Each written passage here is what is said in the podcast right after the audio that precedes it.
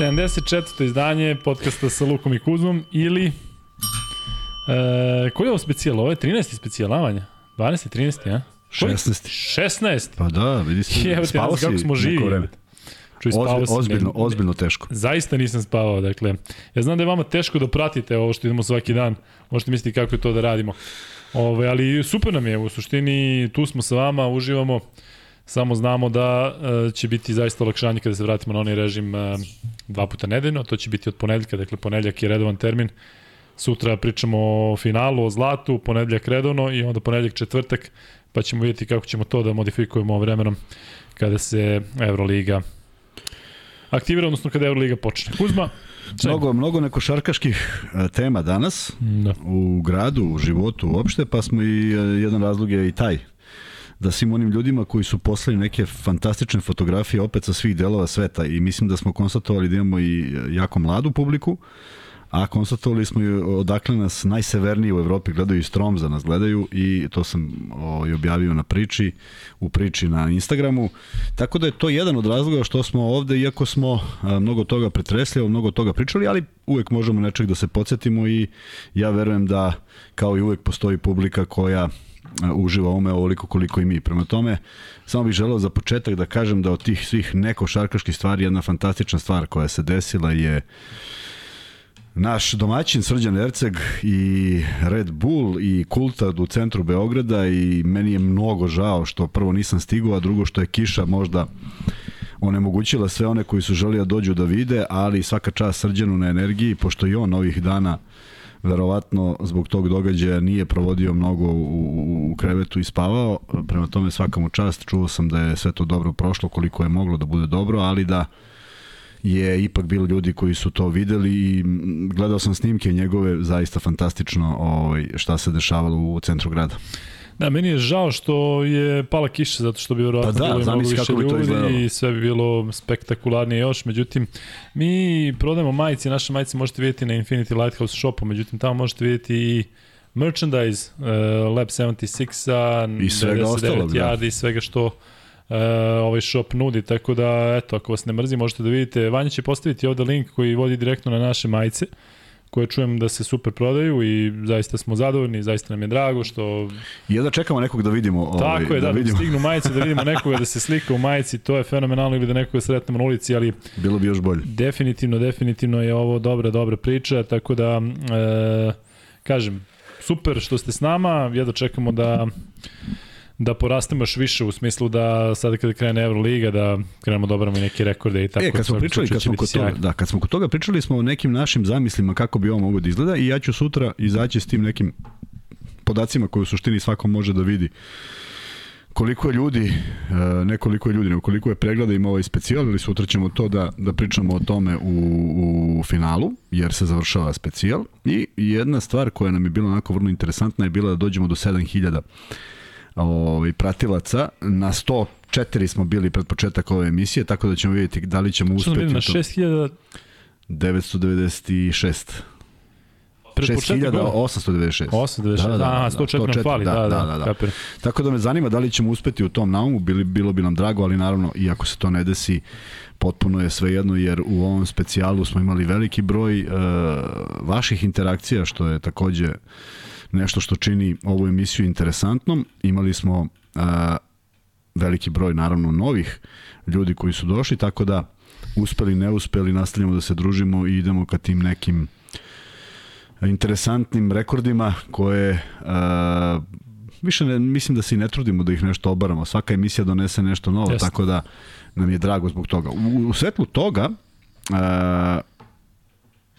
želeo sam da, da podelim jednu, jednu informaciju. Pojavio se jedan sajt koji se zove Floater.rs. Uh, pročitao sam par uh, par ovih članaka, vrlo interesantni, deluje da su to onako fini momci i devojke koji to rade I e, mislim da im je potrebna podrška u ovom trenutku. Sjeti se koliko je nama značila da. svaka. A oni postoje, kako je on rekao, moma koji se javio, mesecak dana, meni se taj izraz jako sviđa i nekad ga i koristim. Dakle, vrlo su sveži, pa eto, pogledajte. A o čemu ja se radi? Košarka, košarka, apsolutno, da, košarka, floater. A šta je floater? Da. F L O U T R Floater, da, baš kako se kako da. se kako izgovaramo RS i uh, kažem već sam pročitao nekoliko članaka vrlo vrlo interesantni ne o aktuelnostima, mada ima i aktuelnih, nego onako nekim viđenjima košarke kao takve, o čemu smo mi dosta često pričali ovde sa našim gostima, o njihovim početcima, o načinu razmišljanja, o tome Juče smo samo spomenuli koliko je sada prelazaka iz jednog regiona u drugi, što je nedopustivo zato što se deca izlače iz svoje sredine, pa baš ima taj jedan tekst po tom pitanju kako izgleda dolazak nekog momka u Beograd i koliko njih, uh, koliko njih malo uspe u onome što su naumeli. Ali eto, nek pogledaju, tako bilo bi mi drago da pomognemo tim ljudima.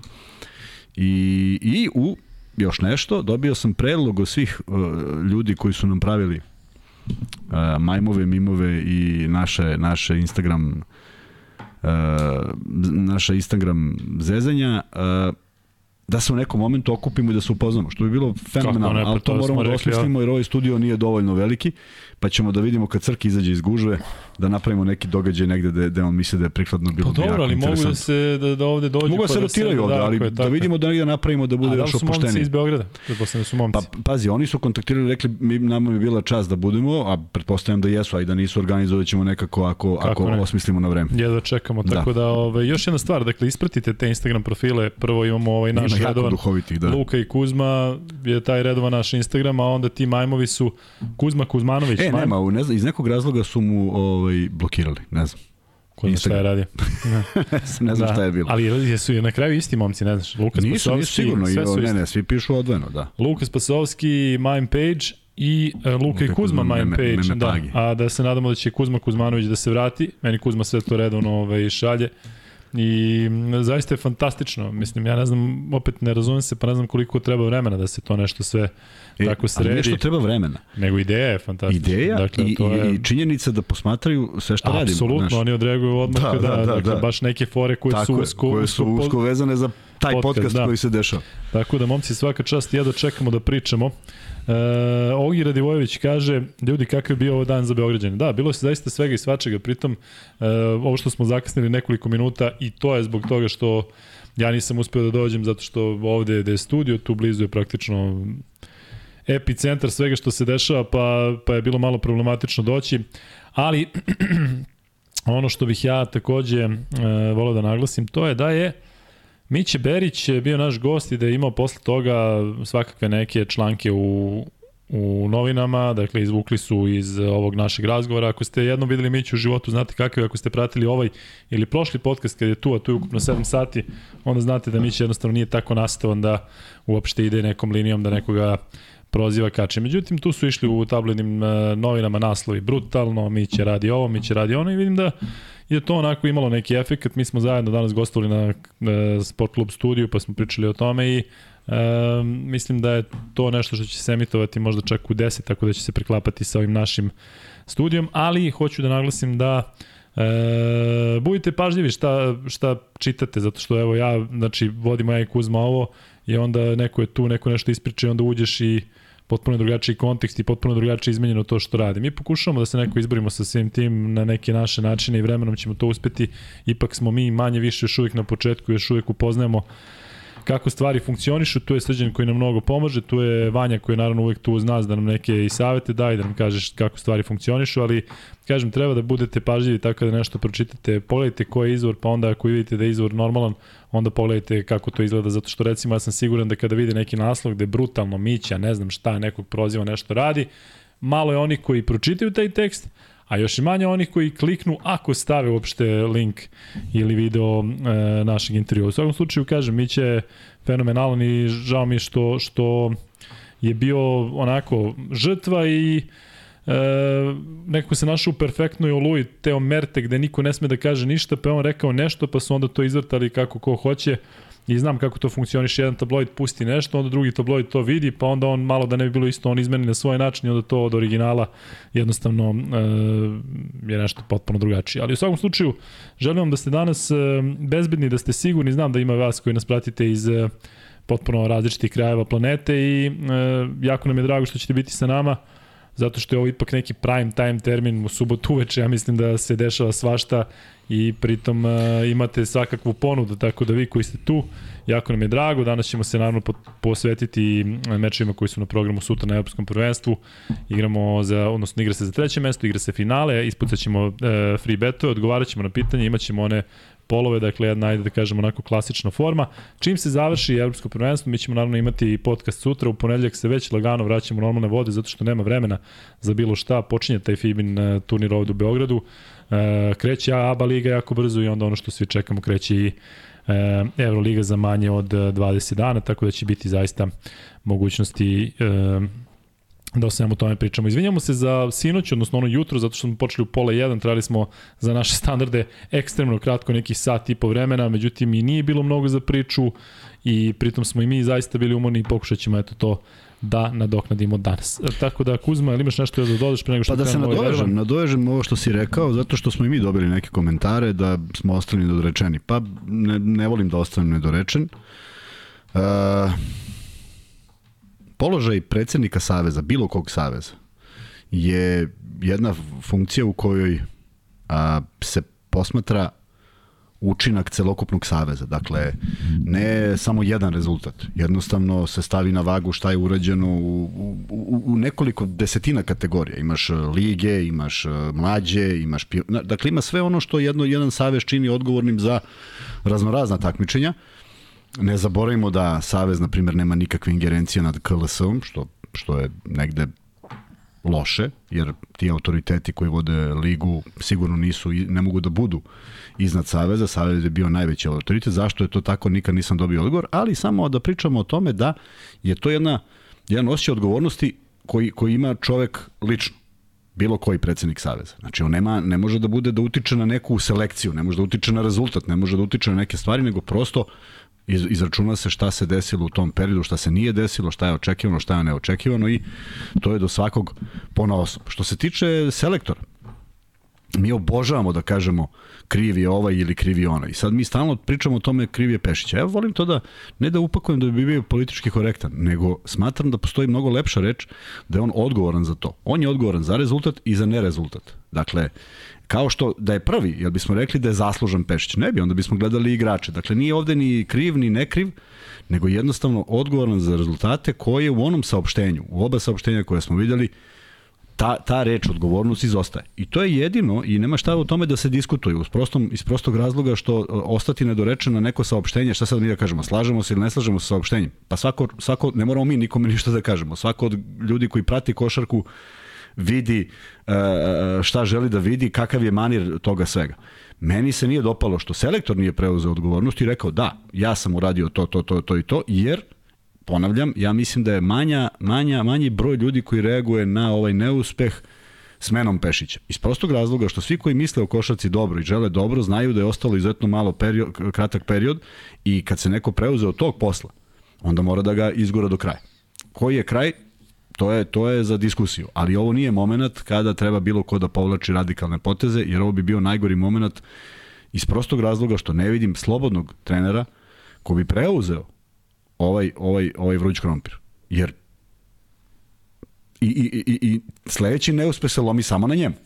Svi zaborave šta je bilo. Prema tome, da stavimo tačku na to, negde su nas ovaj, zamoli da eto i pro, to prokomentarišem, ja to komentarišem, pa ne, nama su pisali poruke, vrlo Dobro. normalne poruke finali, da stavim tačku na to iz prostog razloga što, sam, što smo ovde pričali sve što smo pričali i zauzeli stav koji smo zauzeli. Prema tome, e, nešto, nešto novo dodati, a mislim da smo takođe i rekli da ja bar u svoje ime, ne mogu da kažem za Luku, za tebe, e, sam očekivao takav, takav odgovor, jer redko kad smo viđali nekakve drugačije odgovore. Znači, prosto neka verovatnoća će nešto da se desi drugo, je bila mala. I e, mi sad dolazimo na korak od završetka prvenstvenog neočekivanog raspleta u suštini i treba da pričamo o tome zato što je sutra ipak jedan spektakl u najavi, Francuska, Španija, nisu to dve reprezentacije koje su nepoznate, koje nemaju kvalitet, jedni su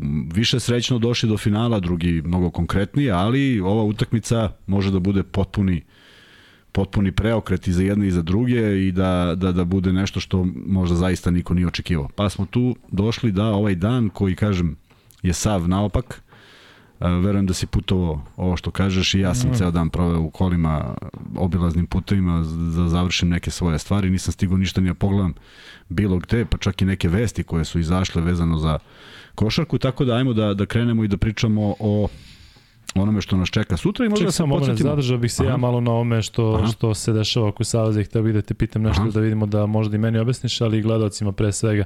Um, da, lepo si rekao, ta saopštenja su bila onako neka očekivana opšta da, mesta. Opšta dakle, mesta, nije se pričalo o onome šta je konkretno što su ljudi želi da znaju. Tako da je više bila ispunjena ta forma, tako je. ajde da bude da ništa nismo rekli, da, da ne bude da ništa nismo rekli.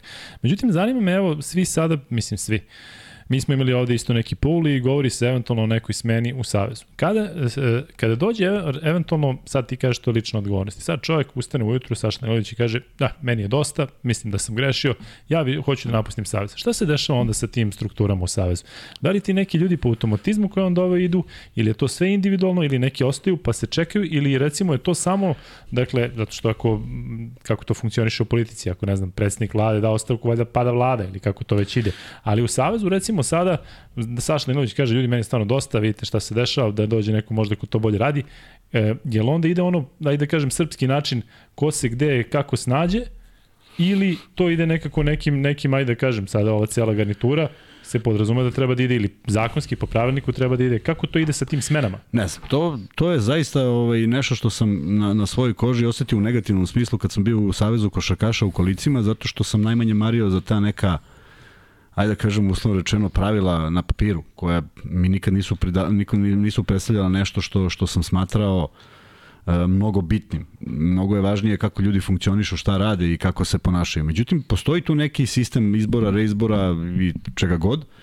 ali ne znam kako funkcioniše, zaista ne znam. Ja samo znam da ta garnitura, ljudi koji su administrativci, koji dobro rade svoj posao, koji su zaduženi za određene segmente, imaš imaš mnogo segmenata u, u Savezu, niti je nužno da idu, niti je lako naći čoveka koji poznaje tu materiju toliko. Dakle, ne verujem da jedan savez menja administraciju.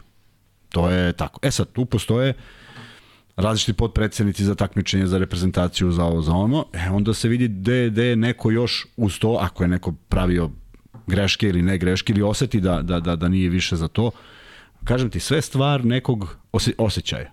Uh, on se meri vrlo prosto, uspehom, uspesima ili neuspesima. I tu nema nešto mnogo filozofije, ali da će sad neko da ustane i neko da, da, da, da traži smenu, mislim da to ne postoji na taj način i ne mislim da neko treba to da radi, zato što opet pričamo o odgovornosti. Dakle, uh, niti ja mislim da, da je za sve rezultate kriv predsednik Saveza, jer po logici stvari nije moguće, niti mislim da su svi ti treneri koji nisu napravili uspeh odgovorni za te nerezultate ili za rezultate, jer opet se ne provlači ono što stalno pričamo, ta netransparentnost.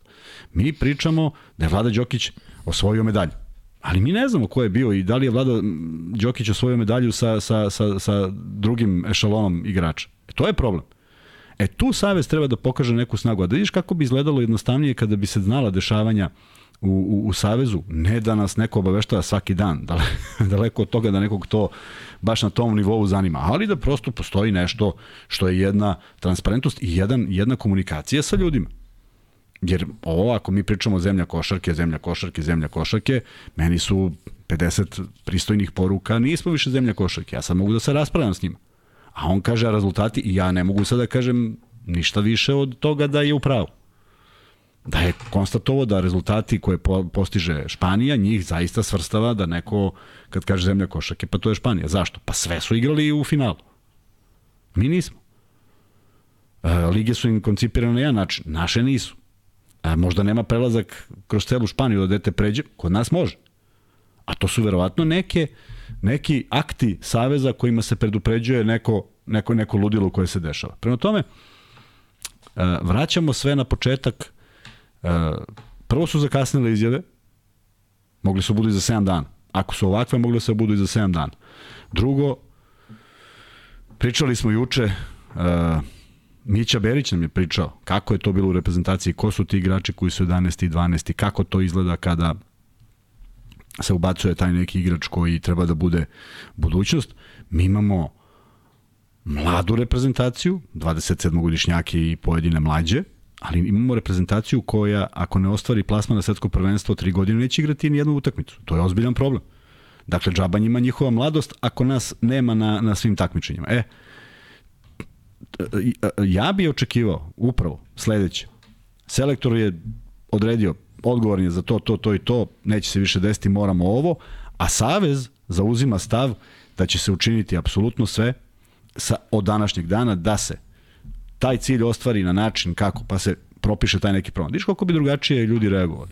I rekli, evo, ok, sad se nešto desilo, ajde bankar da, da, da, da spasimo šta se spasiti može, a ja mislim da je veliki ulog pred reprezentacijom. To svetsko prvenstvo, ne plasman na svetskom prvenstvu, o tome o tom potom, nego samo svetsko prvenstvo je veliki ulog jer se mi nalazimo u jednoj izuzetno lošoj poziciji. A sećaš se da nismo čuli ni razloge poraza od Belgije? E, onda ne može, ne može stalno da nema neki, da, da, da ne postoji nekakav razlog. Nešto postoji. Ne, neko mora da snosi posledice toga. Ajde ako se ne plasira na svetsko prvenstvo. I šta sad svi kažu, bilo je loše tih 12 minuta, mi radimo sve kako treba, ima zlonamernih i I šta radi Savez dve godine bez utakmice? Evo ja ne znam. Mi, mi, mi smo nacija koja živi od nacionalnog uspeha, ne od klubskog. Mi smo sve što smo uradili na, u košarci bazirali više na, na nacionalnom nego na, na klubskom. Svaka čast svim onima, poslednji je Partizan, je li tako? Pre toga u SFRJ i Jugoplastika i Cibona i Bosna. Ok, sve je to divno, ta država više ne postoji. Da ste oklave, ostao je samo jedan Partizan, kojeg možemo da kažemo srpski klub koji je nešto uradio. Nešto uradio u periodu od osamostaljenja, čak eto, od raspada države. Prema tome, to je malo. Ali... Mm... Da bi vezali košarku za klubsku, što, što se mi porodimo smo na Final Fouru, divno. I divno je i sve to što pričaju Partizan bio mlad tim, sve domaći igrači, sve su to divne stvari. Ali čemu to služi u ovom trenutku? Da, pročitat ću ti nekoliko komentara da mi samo ne, ne odlete koji nisu fiksno vezani za ovo, pa bih se vratio na, na ovu temu zato što ljudima zanimljivo imaju pitanje, imaju i, i zanimljive opaske. U svojoj ovoj ludnici se učuti neku konstruktivnu kritiku, a bez da se neko vređe i napade skoro pa nemoguće. Zato svaka čast ljudi na ovom podcastu i načinu komunikacije mnogo nam znači. Tako znam da to vi maho mislite, ali vidite da ovde ako ništa razgovaramo normalno, čak i ja, ako ja i Kuzma nekad imamo različite mišljenje. Kao na jedan čuveni podcast. Tako je, čuveni podcast, tako da nema šta, ali um, um, ovde je Evo ovako, Čuki Čiče javlja, ljudi su nažalost danas ljubomorni i nalog mi je suspendovan zbog prevelikih prijeva na nalog Kuzma Kuzmanović main page, slao sam im poruke i vidjet ćemo. Pa za to mo, možda se radi. Da, evo ja sam mu napisao da mi, da mi to, to nikad nisam čuo. Da, ali ja mislim da ako neko hoće da te nagazi, može da te nagazi da pravi... Da te prijavlja, pa može, pa da. da. Ali zašto? Nemam pojma. Pa zašto možda skidaš neke fotografije, pa možda neki o, ja sam mu napisao, ja da, ja sam samo napisao ako si imao neku sliku koja je zaštićena pravi. Da, ne mogu da ne mogu da verujem ko može da bude ljubomor. Ko je ko je taj koji je ljubomoran na ne, dobre fore. Ne, ali pa dobro. sve što šta je, ili ima nešto nemoguće? Ma bre. Sve one dve stvari koje znaju naši da, verni pratioci. Ponovi slobodno ovih. Ne, znaju, naši verni pratioci znaju. Šta da kažem da stavimo to ne zna, nek pita. E, da. može free bet. Šta su dve nemoguće stvari? Odmah free bet, pa da im ko se seća. Ajde, čekaj, ajde da stavimo free bet, dakle, ovo neće niko odgovoriti. Šta su prema Kuzminom mišljenju i prema Kuzminog drugara koji se zove Sta, I Ivan Krasić. Sve moguće osim dve stvari. Dakle, dve stvari su nemoguće. Ovo je baš za one koji gledaju ovako i, i slušaju, dakle, u slušalicama svaki podcast. Mislim da nije, ovaj, nije realno da neko od vas odgovori, ali ajde da vidimo. Ajmo da se igramo, da. E, da, eto, ispucali smo ovaj free bet onako... E, na brzaka i sada ćemo sačekati. Čisto da vidimo da li, da li se neko seća, a ako ne, svi će danas zapamtiti. Da. U motvorinu Ivana Krasića. Da, vidim da ovde vi prozivate za neke moje uh, učestvovanje u različitim formatima u prošlosti. Ja bih volao da sa vama pričam o tome, ali nije ova, nije to ova, ova nije to tema. E, ali dobro, e, mislim čak i kod nekih nema prozivki, već više onako im je zanimljivo da to, da to kažu. Dakle, Bunar na tavanu i drveni šport. Eto ga, ko je to? Drveni šport, tako. Da. Buna na tavanu i drveni šport, Marko Topalović. Topalko? Svaka čast, Topalko, pa svaka čast. Pa, eto. Ček, ček, ček, ček, ček, Buks. Drvena fo, foruna, Furuna. može li samo jedna vatra? da, ovo ne Može li da- samo jedna vatra, da, Da, da. ali ne možemo da prihvatimo Da, to. ne, ne, ne, ma, ovo je... Da, znači Marko Topalović je... da. e, šta je, šta je prvi. rekao i on, da. Da, ali dobro, Marko, pretpostavljam tope da ti znaš kako to funkcioniše već, zato što e, mi se čini da te neko vreme nije bilo, ali da si ranije odgovarao prilično sigurno na te neke stvari.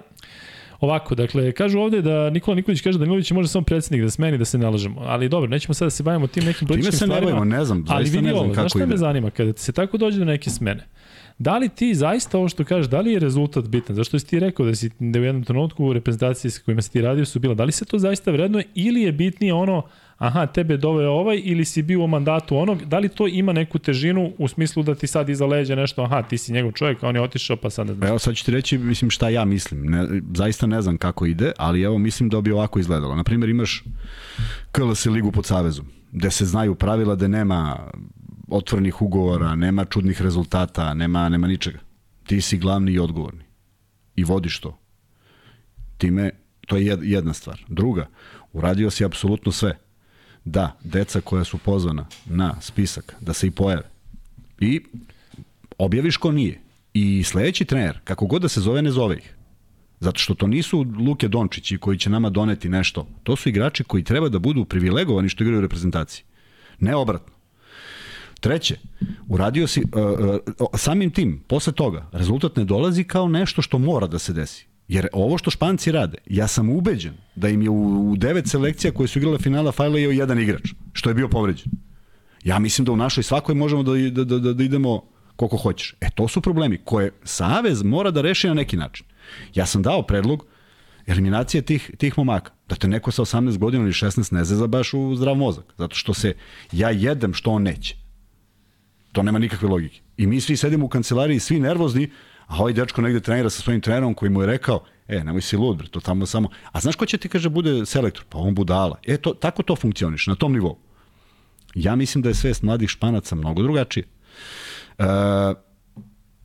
onemogućiti 3000 prelazaka. Kažem, ne znam da li je tačno 3000. Onemogućiti prelaske iz regiona u region do određenog broja godina.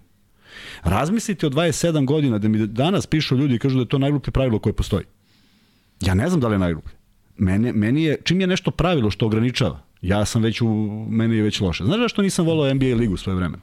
Svoje vremena. Svoje vremeno. Kad sam je gledao, zbog ilegalne odbrane. Zato što je ilegalna odbrana nametanja nekog šablona. Slažem se da je to za publiku, ali to nije logično u igri. Dakle, ti sad gledaš čoveka koje možeš da, da udvojiš ili da ne udvojiš ili da ga foliraš, ali ti ne smeš jer je neko rekao da ne smeš.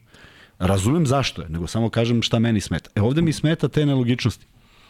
Ne može. I kažem ti, de, dečko se vraća kući, završio Faux, idealan za tu ekipu, ne mora niko da ga plaća, ne može da igra. Što nema nikakve logike. Ispitaš na terenu. Na terenu konstatuješ šta valja, šta ne valja. I sad, znaš, neko priča Raško Katić igra do 40 i koje godine. Jel stvarno misliš da se pojavi 12 novih klinaca koji mogu zamene Raško? Pa ja bih voleo. E, ali to su ti klinci koji pređu u Beograd.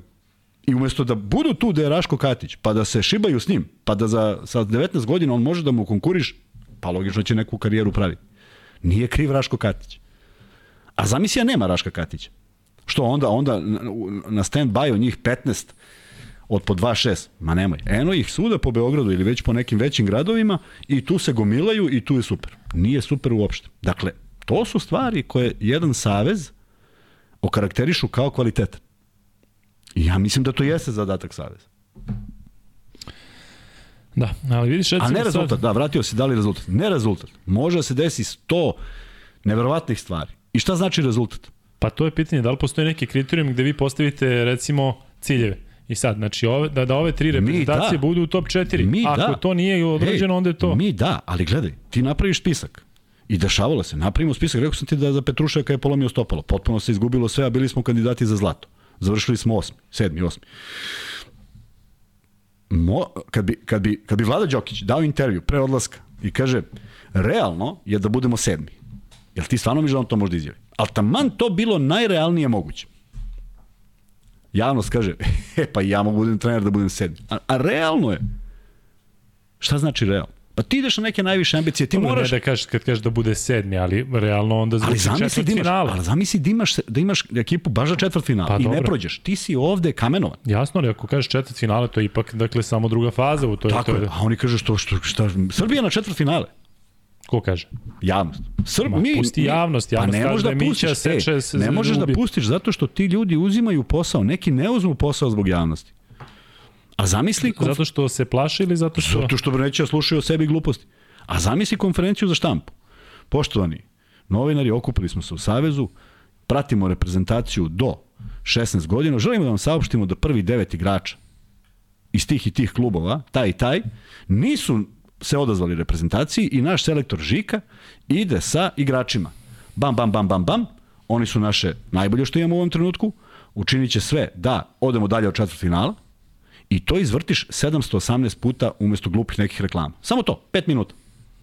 Vidiš kako će ljudi drugačije da gledaju. A znaš ko će biti prozvan? Kako miš umesto reklama? Ma kažem, stalno stavljaš, samo ubacuješ. Nema reklama, ono, nema onaj blok reklama od 3 minuta, nego pustiš ovo. I izbombarduješ narod time i vidiš kako će ljudi drugačije da gledaju. Jer imaju informaciju, pravu informaciju. Ne zato što je neko u tom trenutku hteo alibi. Daleko od toga. Ta je samo hteo da kaže pravo stanje. Alibi može samo posle, ne može alibi pre. Jer ti sa tom reprezentacijom možeš volšebno da budeš i prvi. Pogoditi se tako lep raspored i odeš. Znači on ne kaže alibi pre nego što je otišao. Alibi je tek post festum. Prema tome, mene, meni je to sve bilo toliko logično, a vidim da nije. I ne znam, voleo bi da znam kako je to u Španiji, u zemlji koji su pokazali ozbiljnu snagu, da li se to pogodilo, aj sad da kažemo vjerojatnoća, pa pogodilo im se, važi. I mi smo... Nije, ali za, Španiju čak znam ja i Lončar mi priča da oni čak e, priča meni pre nego što je došao do podcastu, da su oni isto banana zemlja za neke stvari. Međutim, što se tiče same košarke, oni, zna- znaš da e, koliko klinaca dolazi sa 11, 12, 13 godina iz raznih delova Evrope, iz Afrike, iz Dobro, Baltika se bave i sve. time, tako je. Slovenija, znaš koliko pa Luka Dobro, oni je se bave time, Ali tako to je. nije samo Real Madrid i nije samo Barcelona, dakle oni jednostavno traže talente kao što Beograd traži talente po Srbiji, Okej. tako oni traže talente Okej. svuda i, pušt, i pružaju dobre, dobre, dobre uslove. Kao što Beograd radi Tako je, sve, naše. sve je to odlično. Šta onda oni urade s tim igračima? Pokušavaju njih da napravi igrače za prvi tim. Za gde? Za prvi tim taj. Za Španiju? Juventud, Za, da, za, klub, za klubovi za Španiju. Juventud, Real Madrid, Barcelona. Jel, jel zaista mi možemo da verujemo da e, pravilo Saveza o tri stranca u mlađim selekcijama ili dva ili ne znam, je za ostanak tog stranca u, jednom, u jednoj od ekipa? Misliš da je projektovano da se što pre prodaje i da se pa, pare? Pa ne može bude isto. Znači ja samo kažem, ne znam šta je bolje, samo kažem nije isto. To što Španija radi i što mi hoćemo nije isto. Uopšte nije isto. Da, ali znaš da je u Španiji, samo što kažeš, nije svako Luka Dončić, već sa 18 godina oni idu na pozemice i idu bilo gde. Ali može Slažem da se. kaže da je prošao Tako tu školu madridskog rada, tako je, prošao pa ne, Barcelona. Pa promaši se u talentu, pa naravno. Tako je, ali ovde kod nas jednostavno, da li ima uslova za tako nešto? Pa ne znam, ali ne može, onda ne možemo da imamo, ne možemo da kažemo i mi smo uveli pravilo kao Španci. Razumeš, zato što je nije Razumem, isto. Ali kada, kada njihov tim, Juventud, Barcelona, ajde, mislim, uzimo uzimo Unikaha, Real Madrid, kada do, dovodete mladi igrače, ti znaš to je, dakle, ta ekipa koja igra ACB, koja je neki igraju, većina igre evropske takmičenje i ako se dokažeš ti ćeš biti u prvom timu, a posle ako ne, mi ćemo te provati. Ali koja je ovde, e, koja je perspektiva? Nikoj.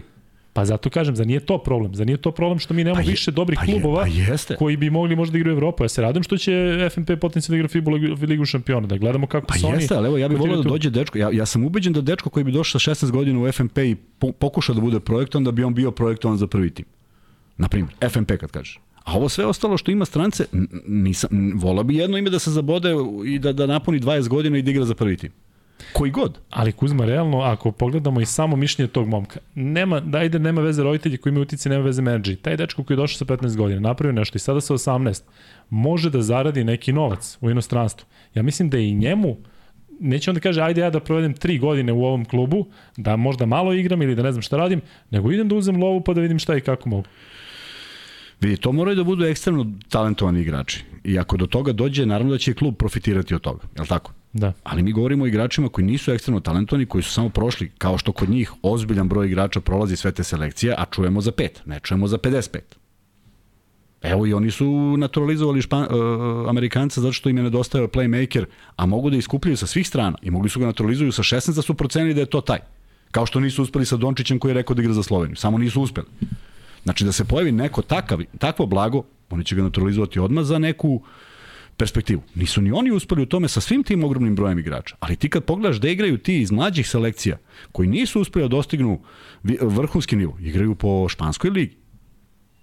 Koja je realno od ovih državnih, odnosno najbolje od Najbolje, tako je. Da. Tako da samo kažem, ideja nije ista. Da. Ne kažem da li je, šta je bolje, znam šta je bolje, nego moraš da kažeš čemu služi. A ovo ne služi srpskoj košaci. Služi razigravanju tih igrača i to je isto okej. Okay. E, ovo je zanimljiv komentar koji kada se pogleda iz ugla momka koji je napisao Stefan Stefan zaista e, zaista neko ko ima smisla. Dakle, mi ovde tražimo neku reakciju, tražimo neke smene, nešto, ne tražimo smene, ali jednostavno tražimo da se nešto desi. Da. Ali pazi ovaj komentar, nije Danilović odgovoran za rezultat. Savez je obezbedio najboljeg trenera i najbolji igrači. To je nekako tačno, ima, tako, mi, mi od Karija teško da si mogao da odabereš neko bolje. Tako je, zato sam I rekao. Igrače. Odmah sam rekao. I kako onda može Danilović da bude kriv? Odmah sam rekao. Prvo, ne kriv, odgovornost. Dakle, odgovornost ne može da ima Danilović za Pešića. Ne može nikako. I odmah sam se odgradio da on može da utiče na bilo koji rezultat bilo, bilo koje selekcije. Ali može na ove druge stvari koje smo pričali. Pravilnik, ko igra, ko ne igra, ko je, ko je u selekciji, šta se očekuje. To sve treba bude interes i njegov. A da li bi nam to pomoglo recimo na ovom evropskom prvenstvu? Ne bi, sad sve... ne bi, ovo su odvojene, ma ovo su pa potpuno pa, odvojene stvari. kažem, ne, Jokić bi igrao 28 e, minuta i dalje. Ok, okay, ne, to su, pa zato i kažem, to A, jesu odvojene stvari i ja ih ne, ne, ne poistovećujem. I u startu sam rekao da je odgovornost selektora za rezultat. Ali, zamisli da je, da je, da je, da je uh, učinjeno sve, da je sav fokus bio urađen na jedan ovakav način i da smo mi treći, drugi, četvrti i peti u mlađim selekcijama. Mi smo osvojili zlato u B. I sad, e, ja znam da ima onih sad koji će reći e, u B. Kad igraš jedno takmičenje i budeš prvi, to je za poštovanje. Ne možeš da budeš prvi u A zato što igraš B. To je vrlo prosto. Zašto si došao u B? Mnogi od tih igrača koji su igrali B nema, nisu imali nikakav uticaj na to što se desilo. Ali kad igraš nešto i osvojiš, to je za svaku pohvalu. Iz iskustva znam da je mnogo teže osvojiti B prvenstvo, jer pa i sad ovo. Istorija je pokazala da se mnogo manje igrača odazove na B prvenstvo. Pazi, oni se ne, neki se ne odazivaju na A prvenstvo, a znaš da se odazove na B prvenstvo. Tek toga ne zanima. I tu su postojali uvek problematični mečevi sa Islandom, ovim, onim, neki koji su kompaktni i žele. Jesu bile selekcije kada si ti bio u Savezu koji su igrali B divizije? Nikom. Nijedna? Jedna. Znači u 16, u 18, sve, sve, sve, nikom. Ja sam otišao na prvo, treće, četvrto i peto mesto. Bili smo najuspešniji na svetu. Jedina uspešnija sezona je 2007. godine, ako se ja dobro sećam. Kada smo bili, da, kada smo bili sve prvo, drugo, možda i sve prvo, ne znam. Ne, bilo nekih šest. Ne, Ali evo, sad zamislio, sad zamislio da smo mi prvi, treći, četvrti, peti, baš kao te 2017. I neuspeh seniorske reprezentacije. Savez može da kaže, ej, uradili smo sve i stvarno pogledaš. Je tako? Ali ovo je sve došlo do toga da nismo prešli osminu finala nigde, manje više sem te medalje Vlade Đokić. Da, ali nije realno Kuzma da sada kada se sve dešava ovo sa seniorskim timom, da sada Danilović kaže, e, ja idem, ali ne zbog ovoga, nego zato što nisam uspeo da neke stvari nije realno, sad. nije realno, ali to, je, treba, to treba da uradi. Da. I ako on to uradi, ne, nikoga neće ništa ni pitati, jer po logici stvari ne može da bude odgovoran za ovo što se desi. Nije učestvovao u sklapanju ekipe. Ne verujem da je došao da predloži ko ide, ko ne ide mislim, nikad ga nisam video u takvom nekom to što smo proveli zajedno. Koliko ste bili zajedno? Koliko bi je predsednik Saveza ti još u Savezu? Ja mislim 7-8 meseci. Ne, ne ni godinu dana? Ne, ne. Uh, znači, ne verujem da je tip koji bi sad tamo došao i bilo kom selektoru rekao mora da igra Žika. Uopšte se ne bavi tim. Prema tome, ovo je apsolutno odgovornost Pešića. Pešić ako izađe i kaže nismo imali najbolje uslove, onda ide dalje ili nismo mogli ovo. Onda ide dalje. A on to nije rekao. Ali hoću ti kažem, ne bismo sad diskutovali o odgovornosti Saveza što svi očekuju da neko nešto kaže, da imaš sistem koji daje rezultat. I onda ga daje. I ti kažeš, čekaj, mi smo uradili sve, ovde se desilo ovo, to onda ide pod ono, stvarno 10 minuta loše. Opet je neko odgovoran za ti 10 minuta, ali ne Savez. Jer možda su ljudi zaista, ne, ne možda. Ja želim da verujem da su oni sve uradili što se tiče A selekcije da se razumemo, to jeste akcenat glavni. Ovo sve ostalo, klinci, ovo, ono, može, može bude ovako, može bude onako, ne bave se toliko tim. Opet zavisi od ljudi koji se baš direktno bave tim. I zato sam ja ponosan jer znam koliko je truda uloženo da mi napravimo taj rezultat. 2017.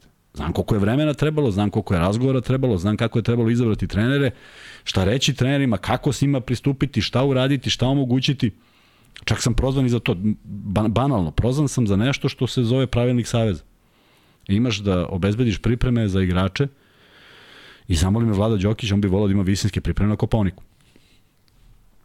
I ja kažem, Vlado, odgovori mi momentalno, Vlado, ako se uklapa u cenu, naravno, i imaš na javnim nabavkama od 2800 dinara najniži smeštaj do 4400. Po igraču, po čoveku. Po čoveku.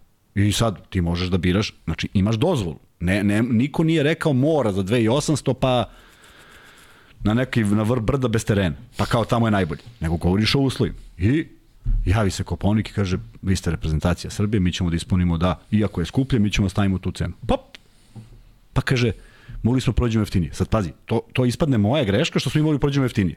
Pa evo ovako, dođi ti recimo da ide tamo za 2800. Evo, ja nemam nikakav problem. A uglopili su se u tu gornju. Da. Tako je, tako je.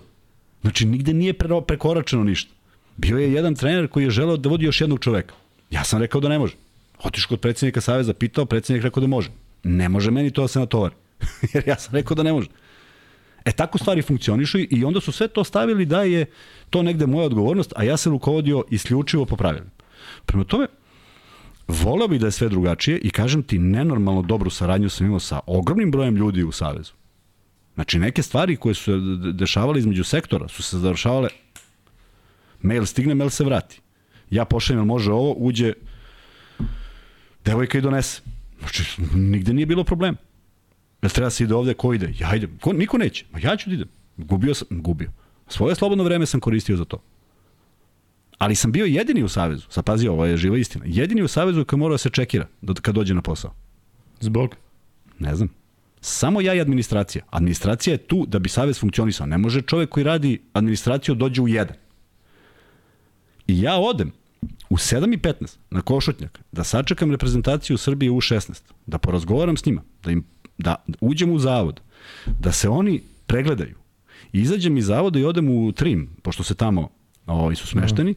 da bi zamolio da im se da doručak kad daju krv i urin da ne rade one test opterećenja, nego da se vrate da doručkuju, pa tek onda da se vratu i kažu nema problema. Pa, pa, pa, sve se iskombinuje, dok su oni jeli, ja ih upoznam sa stručnim štabom, šta očekujem od njih, oni se vrate na pregled. Taj dan mi je zamereno što nisam došao u pola deset. I ja sam u tom momentu video da tamo nema baš mnogo mogućnosti. Eto, tako se dešavalo. Ali sve sad ovdje došlo... To pred kraj mandata To je nagovešte da mi je... da, da. da treba da se spremim. Ali hoću ti kažem, sve to bilo bez veze. Ne zašto ja nisam radio posao i to je najveći problem. Ja želim i mnogo ljudi tamo radi svoj posao. Ali ajmo svi da radimo. Biće bolje. I to samo ono što piše, ej, samo ono što piše, ne ono što ne piše. Ne mora. Ja sam imao diskusiju sa, ljud, sa jednim čovekom iz Saveza, kaže ovako, nije, kaže, samo reprezentativni sektor tvoj domen. Ti treba, kaže, da radiš i ovo ostalo. A ja sam odgovorio, naprotiv, moj posao je samo reprezentativni. Ako me neko pita za nešto, ja ću dam mišljenje koje imam. Znači, moj posao nije ovo drugo. Moj posao je ovo. I ja sam se time bavio. I time rukovodim. Da. Uh, Vanja, ajde da lupimo jedan pol, uh, zato što ovde Nenad Stanović kaže Kuzma, odgovorni su predsednik, predsednik Saveza, selektor igrači. Mislim da nismo imali nešto slično, imali smo neke variacije na temu, ali stavi ko je najodgovorniji za uh, rezultat, rezultat na evropskom prvenstvu. Jeste. I onda stavimo stavi predsednik Saveza, selektor ili igrači. Baš me zanima da vidim šta ste Šta ćete misliti? Nećemo stavljati četvrtu opciju svi zajedno ili neku četvrti, nego baš da vidimo kad morate da se odlučite šta i kako. Ovde imamo zanimljiva pitanja i imamo jednu zanimljivu konstataciju, ali o tome ćemo se baviti nešto, nešto kasnije, pa ćemo da odradimo još jedan pol. Ali, umeđu vremenu, evo ovo, e, Kuzma, pitanje. Mlada reprezentacija 2018. godine, 12 igrača, momci 23-24 godine. Imaju sada, sada niko nije bli, ni blizu spiska osim Uskokovića. Da li je to veliki problem u budućnosti? Da li se zaista desi tako da jednostavno jedna generacija bude, kao što si rekao, 95. super, a druga bude kao? 95. smo imali 12 igrača 95. Šalić i Kaplanović su igrali najmanje na tom prvenstvu, to se dobro sećam. Nabrojao sam već milion Đoko puta. Šalić, jo? Tako je. Nabrojao sam već milion puta ko su bili tih 10 i svi igraju. Euroligu, Eurokup i ozbiljnu košarku. A onda dolazi 96 gde ne postoji ni jedan koji je. Znaš ko je uh, jedini igrač iz 96. Fantastični, zaista, ja mu se skidam kapu. Ilija Đoković. Znači, momak koji je bio na poziv, odakle god je on dolazio, igrao sve što je trebalo. A on je še ono bio sa, da mora da se slika Pa ispred, on, pa da, pa da, pa da. da, da. Dakle, čovjek koji je kao štimac. Zove reprezentacija ono, dakle, ne znam, samo preusmeri avion, otko znam, u, uperi pištolj tamo i Ne znaš dole. gde je sad, ja ne mogu da znam, Mislim da je negde u, od ovde kod nas. Ajde pišite da vi možda znate gde je Ilija Đoković. I onda je u 96. dva vodeća igrača su ti bili Peno i Vanja Marinković. 97. A onda dolazi neverovatno 98. Neverovatno po, po svem. To je ovo što pišu, tako, svi ovdje su Skoković, Radanov, Radanov, Simanić, ti gledaš Simanić. Glišić, ti gledaš i pitaš se. ja- I okej, okay, peto mesto. Da li smo peti? Da, peto mesto njihovo u 20 2017, je li tako? 2018. Ako je u 20. 98. u 18. Čekaj, 17. vlada peti, s koje ne mogu se više setim. Ali 98. je 97, da, da, da, da, 20. 2018, tako je. Ja sam bio s njima na juniorskom, jeste, da. Nije, nije, nisu, nisu bili na U20, tako je. A, to je. To je znači 2008... Uh, nisam propustio sam, ja nisam bio 2018. Ko je, ko je, Oni su, ta Čekaj, je generacija 2000 98 je igralo 2018. u 20. Da, je da, u 20, tako je, 100%. nisam bio s njima. Jeste, to su Simanić Radanov, tako je. Da, i vidiš, danas nema nikoga. Da li se tako potrefi ili je to možda zato što nisu jednostavno kao ta generacija nešto uspeli? Sad mi možemo konkretno o Simaniću pričamo zašto to nije pogodilo. Mislim, mnogo šansi ili ne šansi, a mi ne znamo kako se to dešavalo. Ja bih voleo ono što sam od uvek govorio za njega, voleo bi da je došao jedan trener i rekao mu, sine, radi šta god hoćeš. Po cenu rezultata. Radi, ama baš šta god ti pada na pamet. Samo da imamo da li tu neka sloboda i da ga niko ne ograničava i da mu niko ne kaže kad nešto pogreši. Samo da imamo da li je to možda pristup. Jer mislim da su mnogi pokušali. I mislim da je tu bilo fantastičnih bljesaka sa njegove strane. Ali brzo to nestane.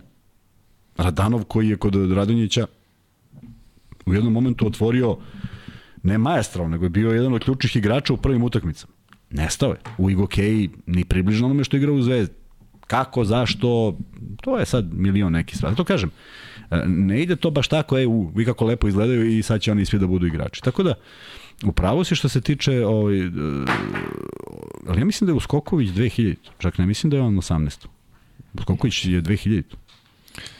Nebitno, ali više si akcent da. bio na generaciji. Da, na tako generaciji. E, i onda, i sad naravno, 90 99 od 2000 znam dok su igrali u 18. Gde je, gde je Nikola Mišković?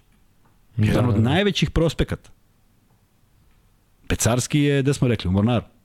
Da. Petrušev je sad u Zvezdi. To je bio trio koji je bio, ali zaista u jednom trenutku izgledao majestralno na tom, na tom evropskom prvenstvu. I mi smo izgubili utakmicu od Španije u prvom kolu, gde je Vlada Jovanović, Vlada Jovanović Partizan, rekao, dobro što smo izgubili sada, Ali ne Vlada Jovanović budućnost. Ne, ne, ne, ne, ne, nego, Partizana. znaš, čovjek u budućnosti, a i dalje ga svi Pa, vezimo za da. partizan. Da. I rekao je baš posle utakmice, dobro što smo izgubili od Španaca. I pot, pogodi se da mi igramo finale sa Špancima. Posle nekog egal polovremena, ne možeš zamisliti šta je bilo drugo polovreme. Znači, potpuno demoliranje Španaca i, i zasluženo uzeta medalja.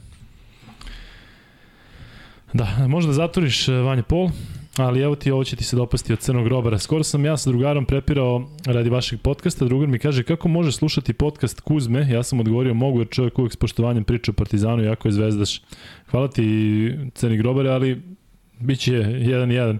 Pričat ćemo o Partizanu sada naravno kada je u Euroligi, biće, biće jednako prošle godine možda izgledalo tako, malo da je akcenat na zvezdi, e, tako da sada će se to izjednačiti zato što Partizan igra Eurocup, koji je ipak e, slabije takmičenje činjenica i znate kako je se završilo to sve u Eurocupu, pa je možda delovalo kao da malo češće i duže pričamo o zvezdi, ali sa opravdanjem pravi.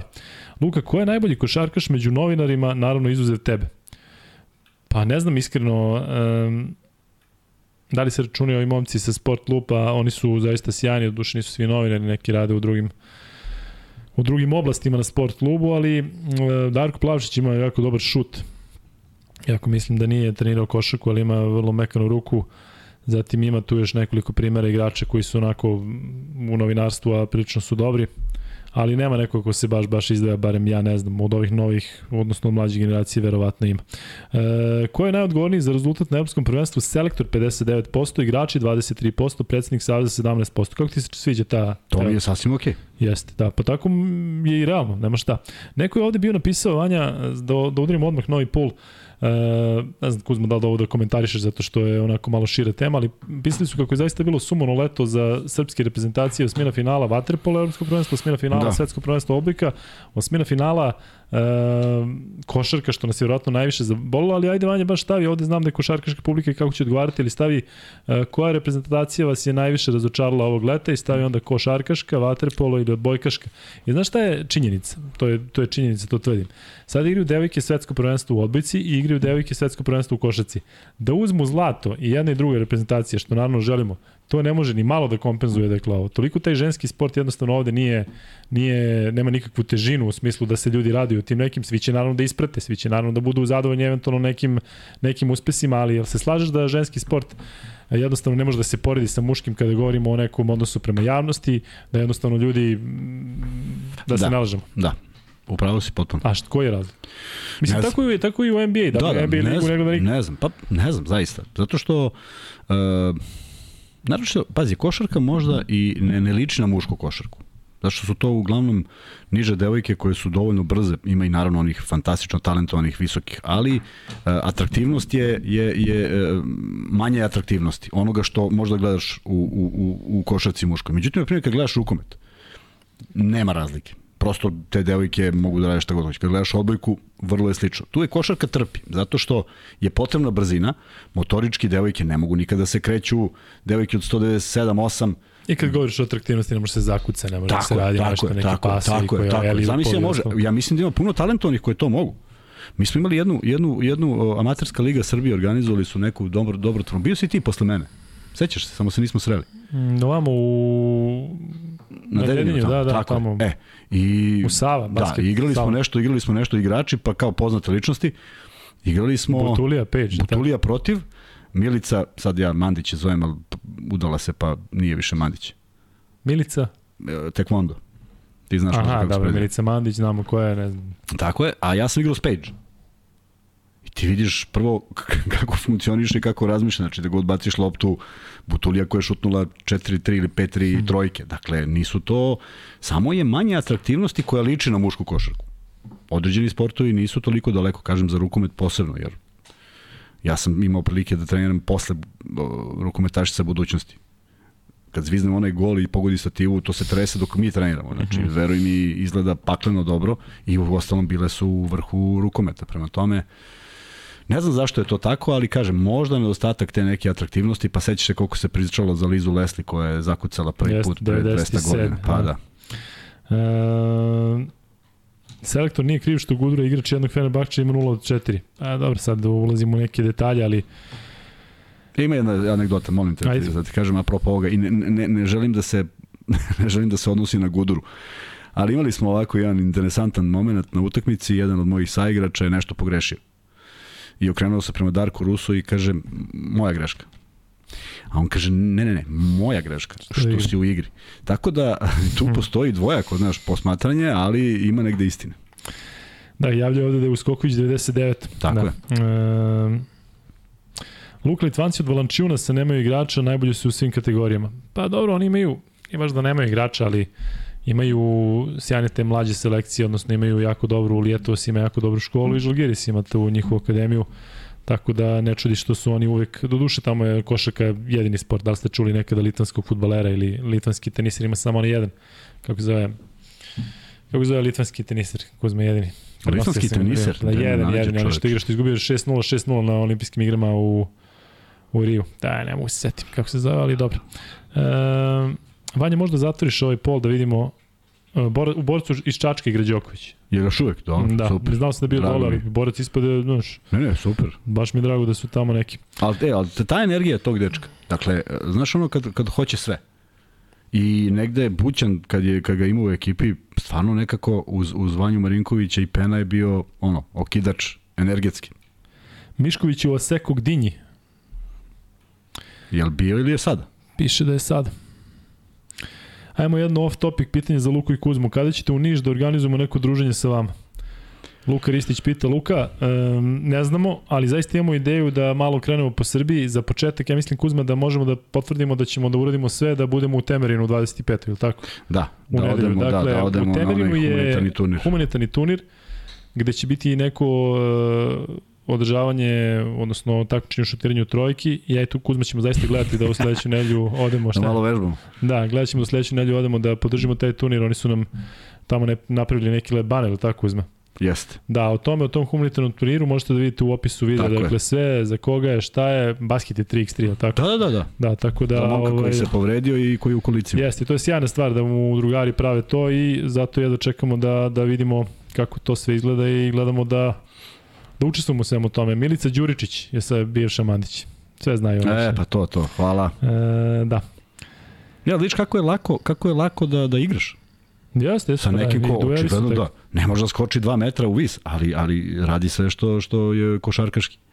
Ne želim da me pogrešno razume, razumijete, ali ako se sjetite, rekao sam da bez Bogdana i Bjelice Srbija nema momčad za najviše domete. Pa dobro, da, jeste, dobro, falili su. prihvat- nije da prihvatamo. da- Znali smo, da. Prihvatamo. Da, da su zdravi, da su Prihvatamo, full, da njihovi- za, za Bogdana koji je nedostavio. Da. E, nije lepo formulisano, trebali ste staviti predsednik Saveza, Savez i selektor, idolom bi bilo, svi su odgovorni, ovako su generalizuje samo Pešića, sakriva problem mlađih selekcija regiona. Dobro, ali pitali smo Pitali konkretno smo šta vi rezultat, mislite. Da. nismo pitali ni za šta drugo. E, A vidiš šta šalje Ivan Pejić? šta kaže? Evo, kaže Ivan Pejić ovako. Gde si, Ivan? evo ga. Pozdrav za Luku i Kuzmu. Može li komentar na odluku čelnika KLS glasanje na sastanku na Staroj planini, nisam, nemam tu informaciju, ali verujem Ivanu koji piše vrlo konkretne stvari inače, da ne žele da se vrate pod okrilje KSS. Sad pazi ovo, ne žele da se vrate. I ti kažeš ovako, ok, nemam problem, ne želite da se vratiti. A kad su oni izašli? Koliko ima da su oni telo svoje? Ne znam, ne znam. Izvini, ko je, pri- pod čijom su oni ingerencijom? Sami za sebe. Znači oni sad mogu da kažu su ti- hoćemo ligu od 500 Oni su ti klubova Euroliga. i nemaju- niko im ne može ništa. Ne. Znači sad KSS da. nešto... I sad ti si KSS, je li tako? Da. Je li tako? Nećete. Ok, važi. Lokalna samouprava u Vršcu treba da odvoji x miliona dinara za Vršac, to će biti klub u Saveznoj ligi, nazoveš je Savezna liga. I okupiš 10 najboljih kojima daš pare. Moraš da, moraš da ih privoliš da dođu. I uzmeš tih 10 najboljih. I kažeš, evo gospodo, mi smo ponudili ovima. I oni kažu, važi ili ne važi. Nije nerešivo. Ri- Ricardas Berankis, inače teniser litvanski, izvini. Sad Pa znaš za koliko? Za 200 miliona dolara. Sad iđe pitanje Da. E, košarkaška reprezentacija najviše razočala 73%, vaterpolo reprezentacija 23% i odbokaška reprezentacija 3%. Ili nisu razočarali ili ove ljudi Ili su očekivali, ili su Ljudi- neke možda informacije koje mi nismo imali. Tako je, ili ljudi ovaj slabije, slabije prate. Za propast srpske košarke krivi su najviše Partizan i Zvezda. Godinama nijednog igrača za reprezentaciju nisu izbacili i razigravaju strane igrače koji ne prave razliku. Mene, ja jedva čekam ovu sezonu u Euroligi, ali me prilično onako, imam neki neugodan osjećaj da ovo sa strancima a, može da ispadne loše, u smislu da se ne bude rezultat, a čak i ako ispadne dobro, šta je, šta smo radili? Ne znam, ali cenim da piše čovek koji ne navija ni Zvezdu za Partizan, nego voli sport. John Locke baš napiši da li si zvezdaš Aj, partizanac. ja cenim da je to čovek koji da. ne navija. Jer ako navija, onda me zanima šta priča sa drugovima u, u kafani kad igra 12 srpskih igrača za Zvezdu i Partizan i dođe Barcelona i pobedi 816-7. I on kaže šta? Fenomenalno što imali ovih naših 12. Ne može da ide tako. Nema više niko 12. Nema više niko 12. Nema nigde 12. Mi smo posljednja zemlja koja je odolevala sa tih 12. Prosto nije moguće. Koliko god mi želeli, nije moguće. Jer da bi, da bi napravio nekih 12 domaćih, to znači da to dete koje je došlo iz nekog grada u Srbiji, to dete je moralo da imalo ozbiljnog trenera. Ne školu košarke, ozbiljnog trenera. A on je možda imao čoveka iz škole košarke koji voli to da radi. I možda nije loš za taj uzrast, ali možda ga nije naučio sve. A vraćamo se u period kada je bilo mnogo manje klubova i mnogo manje, pa, su, pa se kvalitet skupljao na jedno mesto. Slušaj šta kaže Ognjen Radivojević. Luka, da li vas plaši da će vaš podcast biti zloupotrebljen za medije? Pa već jeste. Samo nas ne plaši. Već vidjet ćemo da se zakonski. Pavlović je napisao da je neko iz B92 iskoristio isečak kad je bio šarenac. Sad samo nek pot, napiše tebi Kuzma na Instagramu ili na mailu šta god, da li je to, gde je to video, tačno. A pa moguće, pa šta mi Pa pa, da. pa jesu. A šta ne, ne, na ne, svom ne. sajtu? ne, ne, na TV-u, Na TV-u? Na BD2? Ma dobro, ali, ali nemoguće da je manji prekršaj zakona ovo što su s hiljadu puta preneli sve i svašta na, ove, na portale. Jel, jel, jel manje? Ne znam.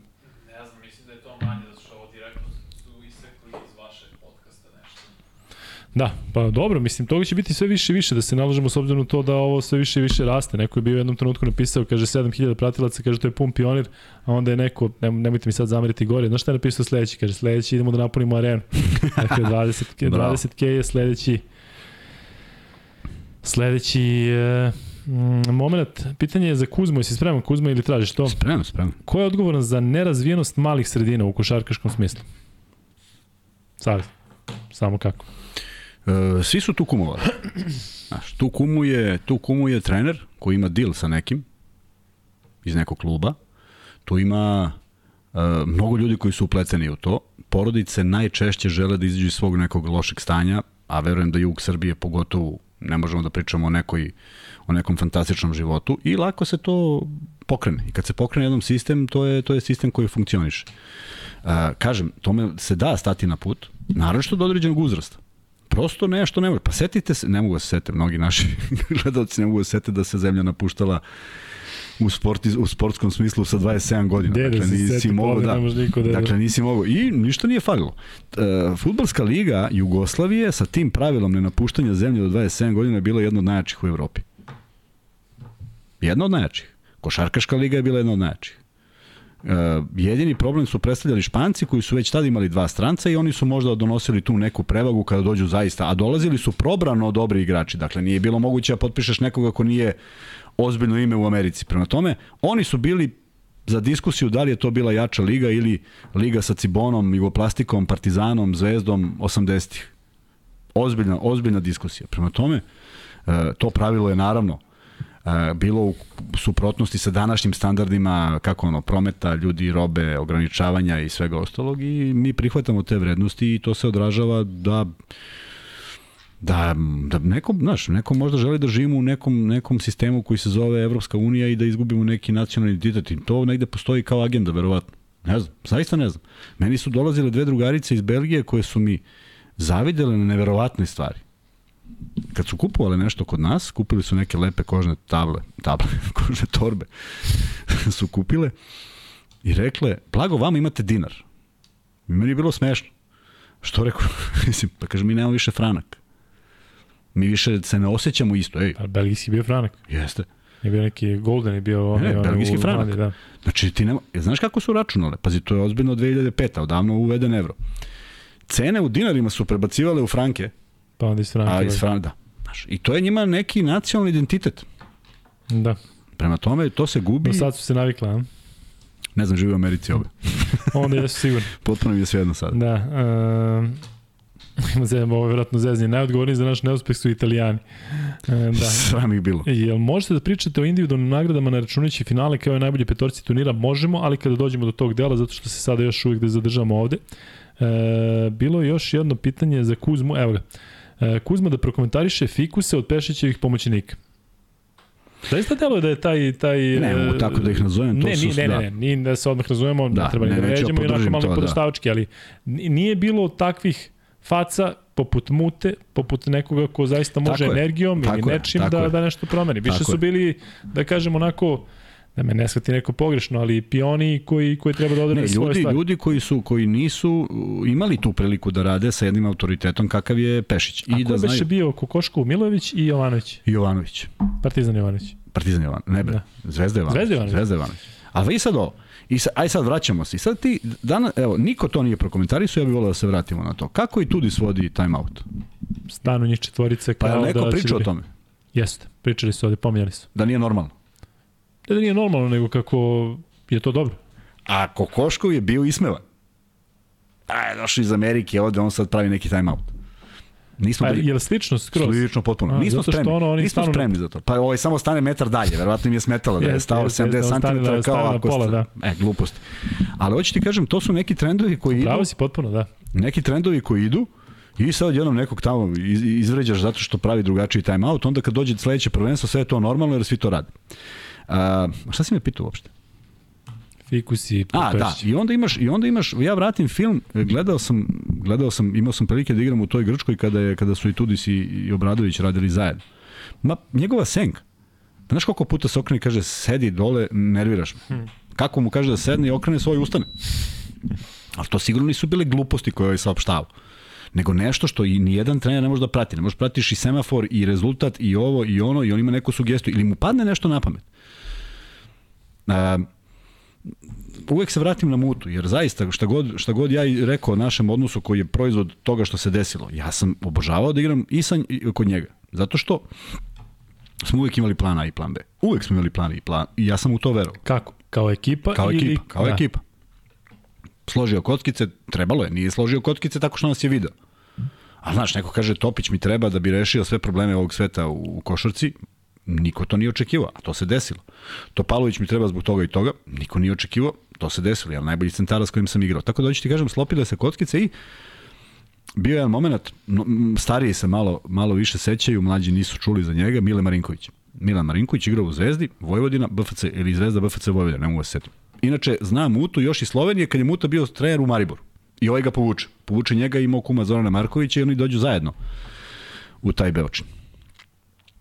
Zagrevanje. I Muta stoji, uredno gleda sve i ovako se okrene i cimne se kao da prvi put vidi Mileta Marinkovića. Znači kao da je sad ušao na teren. I okrene se prema Triđi, Trivanu, Zoranu, pomoćnom treneru i kaže Triđo, Mile počinje. I ode Triđa i prijavi petorku i mi na onom pred izlazak na teren, on kaže petorka ta. Ne misliš da neko od nas okoluta očima ili se pitamo kao šta i kako? A ko je bio na klupi?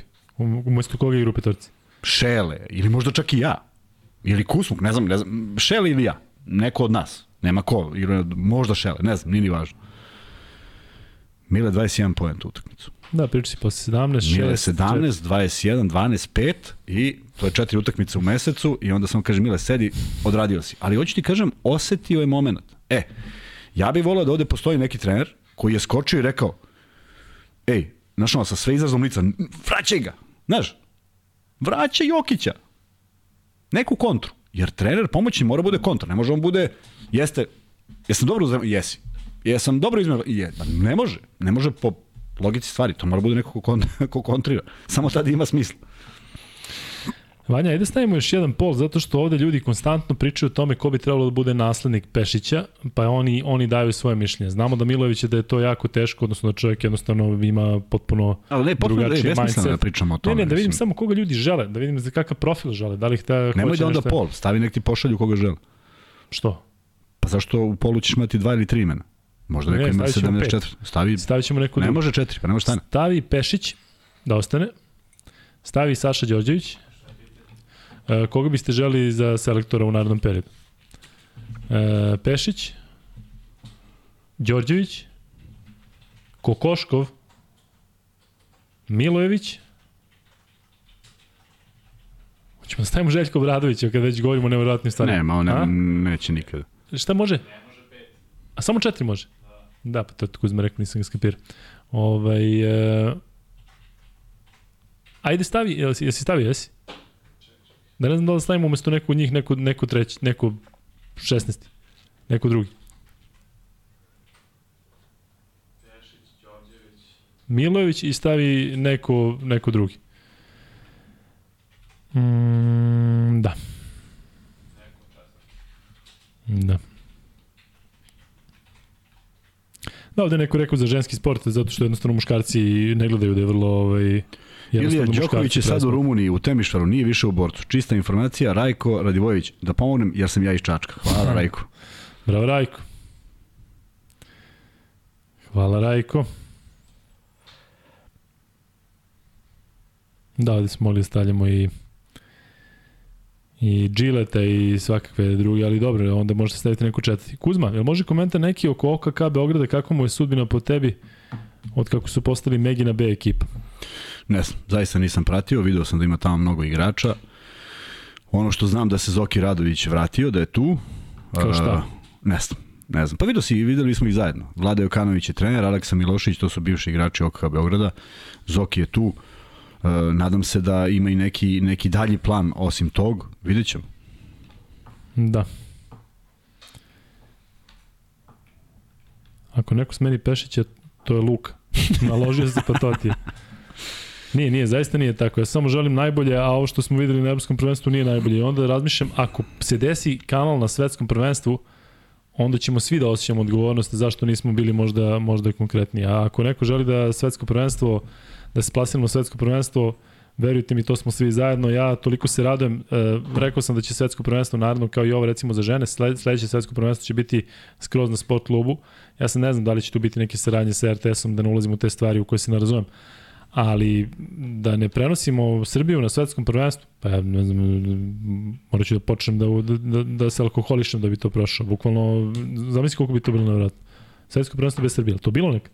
A da nas nisu kažnjavali. Pamtiš joj, joj, ne znam, majke. Ne znam. Ne bih želeo da razmišljam uopšte o tome na taj način. Ajde još da pre nego što pređemo na ono što je u stvari tema današnjeg podcasta, to je finale Evropskog prvenstva. Možete li da prokomentarišete svrhu postojanja ovakve KLS, gde kako se navedi prve dve ekipe idu u ABA 2, dok se iz ABA 2 ne može ući u ABA 1? Izvini, molim te. Možete li pro, da prokomentarišete svrhu da, postojanja da, da, ovakve da, KLS da, gde da. se navodi kako prve dve ekipe idu u ABA 2, dok se iz ABA 2 ne može da. u, u ABA 1? Evo ova KLS koja se sa, sastala, ona treba da napravi ugovore sa ABA 2, sa ABA 1, sa ABA 7, sa kojom god treba ligom da napravi da postoji pro, prolaznost. Pričali smo milion puta, kad ne, ima liga u kojoj ne postoji prolaznost, ona stagnira.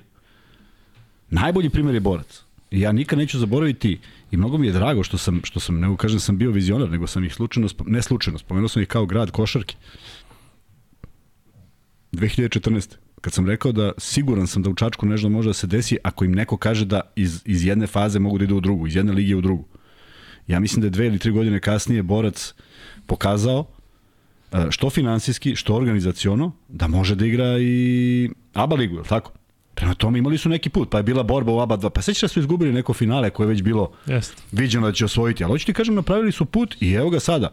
Oni imaju dobri juniorski tim, mislim. Ima, ja, ja mislim da oni da. Što se tako gaze sa i Megom i Zvezdom, Partizanom. Tako, da, da. tako je. Prema tome, odličan, odličan recept. Pa nije valjda Čačak jedini grade to može. Ja bre, mislim da ima još jedan. Dobro, ali Čačak je zaista nekako se podrazume da ćeš tamo da trenaš futbal ili košarku. Ne znam da li je to tako okay. u Kraljevu i, i u Leskovcu. Što da nije? Pa šta imaš, šta imaš u Kraljevu? Sloga i? Ali sloga, u slogu treba da neki ljudi koji će da, da, da, da ne bude šest sloga. Ima, ne znam koliko ih ima. A kako se stimuliše e, još to? Fantastična Kako sala. se stimuliše? Kako stimuliš? Da, to na lokalu. Da li mora da bude neki lokalni šerif koji kaže, e, sad ja volim košarku, pa ajde da uložimo, pa da nađemo da da. lokalnog mislim da sponzora, da da, jest, kao što je da u Kosjeriću bilo da da. cementara. Ne, de, vidiš, ti imaš neki zakon koji, ne znam ga tačno, ali hoću da kažem sledeće. Mislim da u zakonu ti ne smeš da odvajaš ne znam koliko procenata za sport, za futbol. Moraš na sport, lokalu. na lokalu. Aha. Znači, na primjer, bude 20%. Međutim, neko obožava futbol i želi da pomogne futbol, onda on kroz hiljadu nekih mutljavina dođe da je to 88% finansiranje i to ti je to. E, Vanja, možda zatvoriš ovo baš da vidim kako su ljudi odgovorili. Kuzma, ti reci ako hoćeš još da se zadržimo na ovome, zato što ima zanimljivih pitanja ovaj, u vezi reprezentacija i svega i svačega. 38% Đorđević, 25 Milović, neko četvrti 20% i Pešić četvrti sa 15%. E, ljudi, ako Pešić ostane trener, zaista mislim da treba da mu damo podršku zato što nemamo šta drugo da uradimo. Dakle, da sada e, on ostane selektor ko što će očigledno ostati selektor, moramo to da podržimo, zato što je tako kako je. Dakle, možda to da nam se ne sviđa, ali ne samo sada da imamo neki raskol pre tako bitne utakmice. Da li, ne znam da li shvatate koliko je ovo bitno, zato što, Kuzma, bilo je pitanje, dakle, mi ako ne daj Bože ne odemo na svetsko prvenstvo, jel mi imamo neku mogućnost wild carda, Ili imamo neku opciju da kroz neke one olimpijske kvalifikacije mm, nešto? Pa šta ćemo opet organizujemo? Opet organizujemo turnir, opet. Pa organizovat ćemo. Pa, N, nisam siguran kako to ide. Ne 4, 3, 2, mora da se bude vamo, ali igrale su neke reprezentacije koje nisu bile na svetskom prvenstvu, igrale su one... Ne znam, ja i ne želim da razmišljam o tome, da, zato što... Nikad, ne, ne znamo to zato što nikada nije trebalo da razmišljamo o tome, tako? tako. Dakle, za, šta ćemo sad mi da se bravimo time kad se podrazumeva da ćemo da idemo tako. na zlato na svetskom tako. prvenstvu.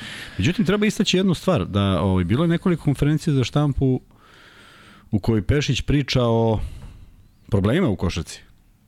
Mislim da nije isprećeno čak adekvatno. U našoj košarci. Pa pred ovo, znaš, kada je unazad i, i pre prozora i sve to. Tako da, e, ne može se reći da nije ukazao na neke stvari o, koje, o kojima niko nije posle toga diskutovao. Pa šta hoćeš da kažeš? Hoću da kažem da je on sagledao da, da, da ovako, da ovaj, ovo što se dešava neće u perspektivi dati rezultat, da neke stvari moraju da se promene.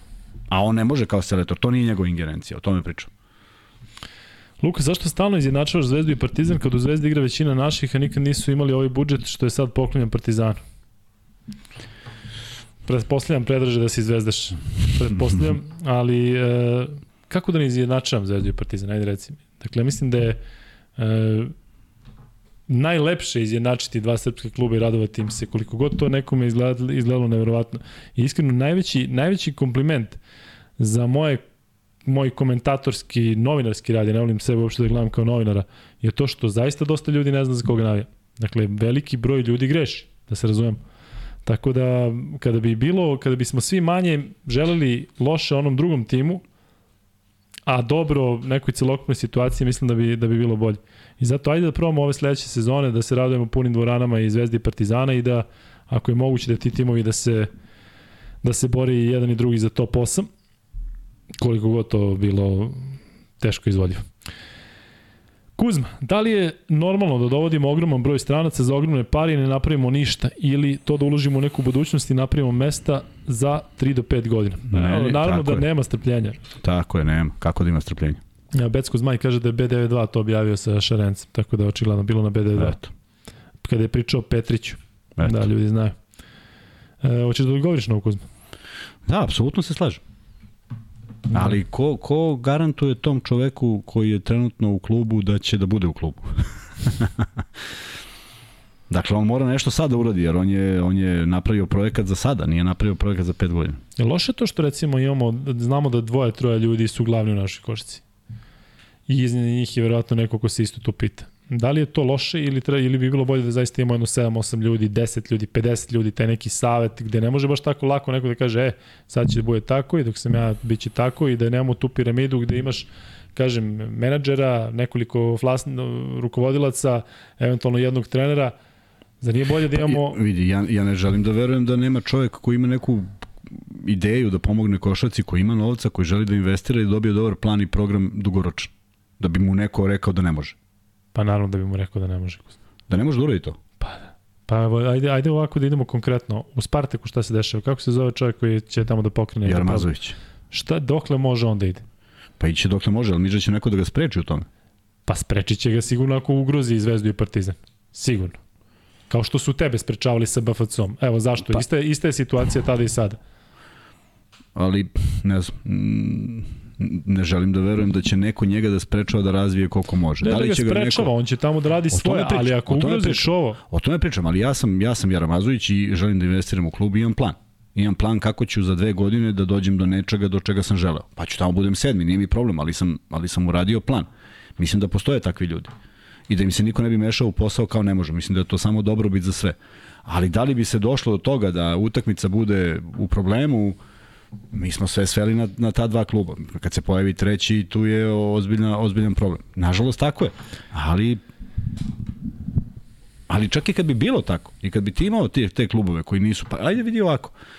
Uh, 94. peta Borac Borovica, 95. šesta BFC Beočin i 97. 98. Uh, Železnik, koji je već bio ustrojen kao ozbiljan klub i onda još Hemofarm dolazi do finala, je li tako? Niko više. Kaže je malo ili mnogo? Malo. Pa dobro, za danas bi bilo mnogo. Za danas bi bilo, da. ali hoću ti kažem, samo su, dakle, dva mala, dva koja da. ne postoje ili su, ili su bljesnuli i dva kluba koji su se ozbiljno pozicionirali na, na karti košarkaškoj, taj hemofarm koji, mene su pitali kada je nastao radnički iz Kragujevca, kaže da li je ovo slično hemofarmu. Zamisli da, da, da uporediš radnički iz Kragujevca, u tom trenutku koncipiran na taj način, sa hemofarmom koji imao pionire, petliće, kadete, polukadete, malo starije kadete, znači 200 selekcija, žene koji su bili prvaci, muški tim koji igrao sva moguća takmičenja i sa ozbiljnim sastavom, uporedio se nečim što je postojalo i 3-4 godine i nestalo. Nema što uporedi. E, mi više to nemamo. Zašto nema hemofarma? Vadi ima neko drugi.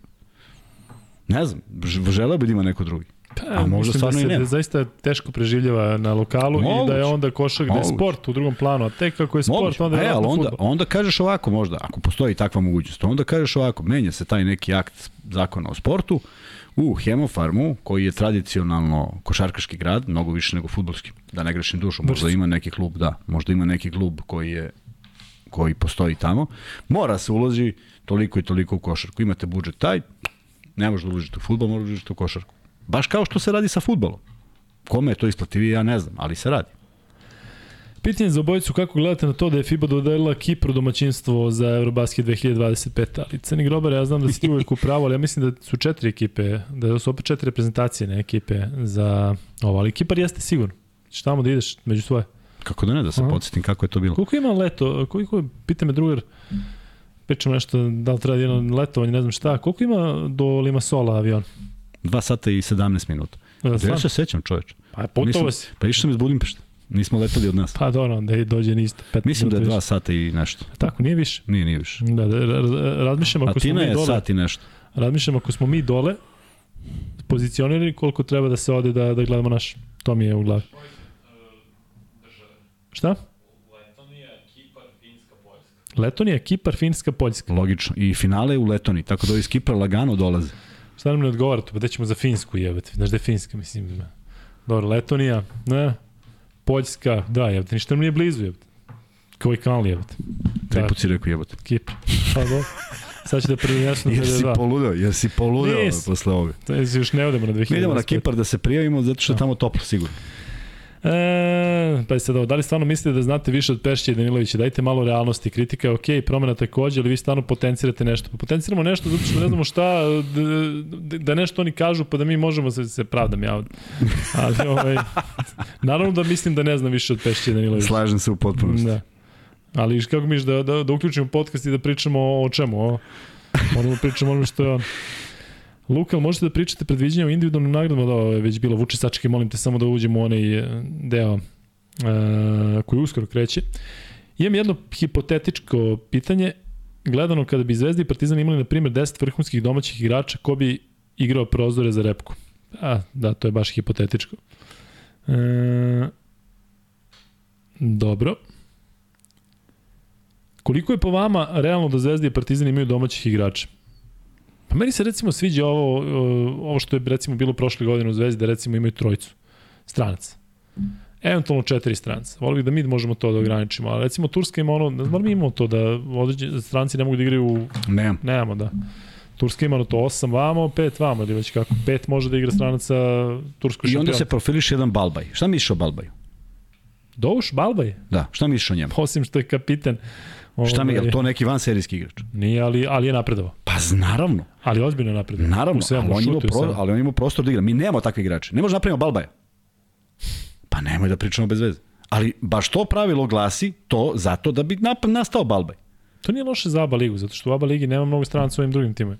Da recimo se ograniči na tri stranca. Znaš šta je bilo fantastično? Kad smo pričali, kad sam pričao o strancima i negde sam napisao da ima 52 i onda je bio intervju sa Rađom dva dana kasnije, kaže negde sam pročitao da je bilo 52 stranca. Stvarno je bilo 52, što je neverovatno. Pusti za, Rađu, nije hteo da, se, da dođe u podcast. Ma da, neću mu se više nikad javim. Pa dobro jutro.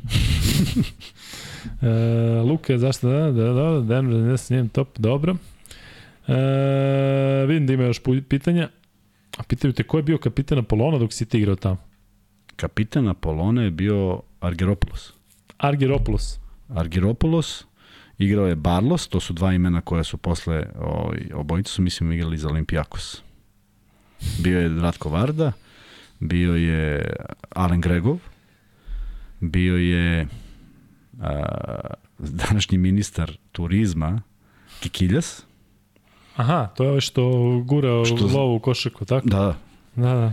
A, On bio do nešto dobar igrač, jel? Mislim, bio onako, šta beš? ne, on je završio medicinu, najpoznatiji po tome što je završio medicinu, bio je izuzetno koristan je klubski visok, igrač. kakav je ovako? Dva, dva, Pa dva. da, to kažem, da, on je neki, Stamenko, neke, da, da, baš ga primetiš. I čak i on iz Olimpijakos donao neku titulu, pustili su ga valjda kao najslabiji u kariku, on vezao neke trojke, nije imao lepo, lep, lep šut nikako, ali je tada pogodio. I bio je Jamel Thomas, treći strelac italijanske lige tada, bio je Dante Jones i to je bila neka ovaj, Marmarinos, ne mogu setim kako se zove. Bilo je to sasvim pristojna ekipa. kad ja pitam gosta, jesi u kontaktu s njim? Jesam sa svima, da, ja, ja, baš danas sam jedno, pričao. jedan neki lik koji negde su vam se ukrstili putevi. Preko Facebooka, česte šođe neko. Ali sam bio strašno blizak sa Okunskim koji je preminuo od eh, raka, želuca, nešto strašno. On je igrao sa mnom u budućnosti, mi smo se tako Šta je sretali. on, Ukrajinac? A, on je, on je ovaj, nevjerovatno, pazi, on je, iz, on je rođen u Moldaviji, u Sovjetskom savezu, je rođen u Moldaviji. Rus je po poreklu i žive u Ukrajini. I ima ukrajinski pasoš. Potpuni paradoks. A kad je umre? Koliko ima?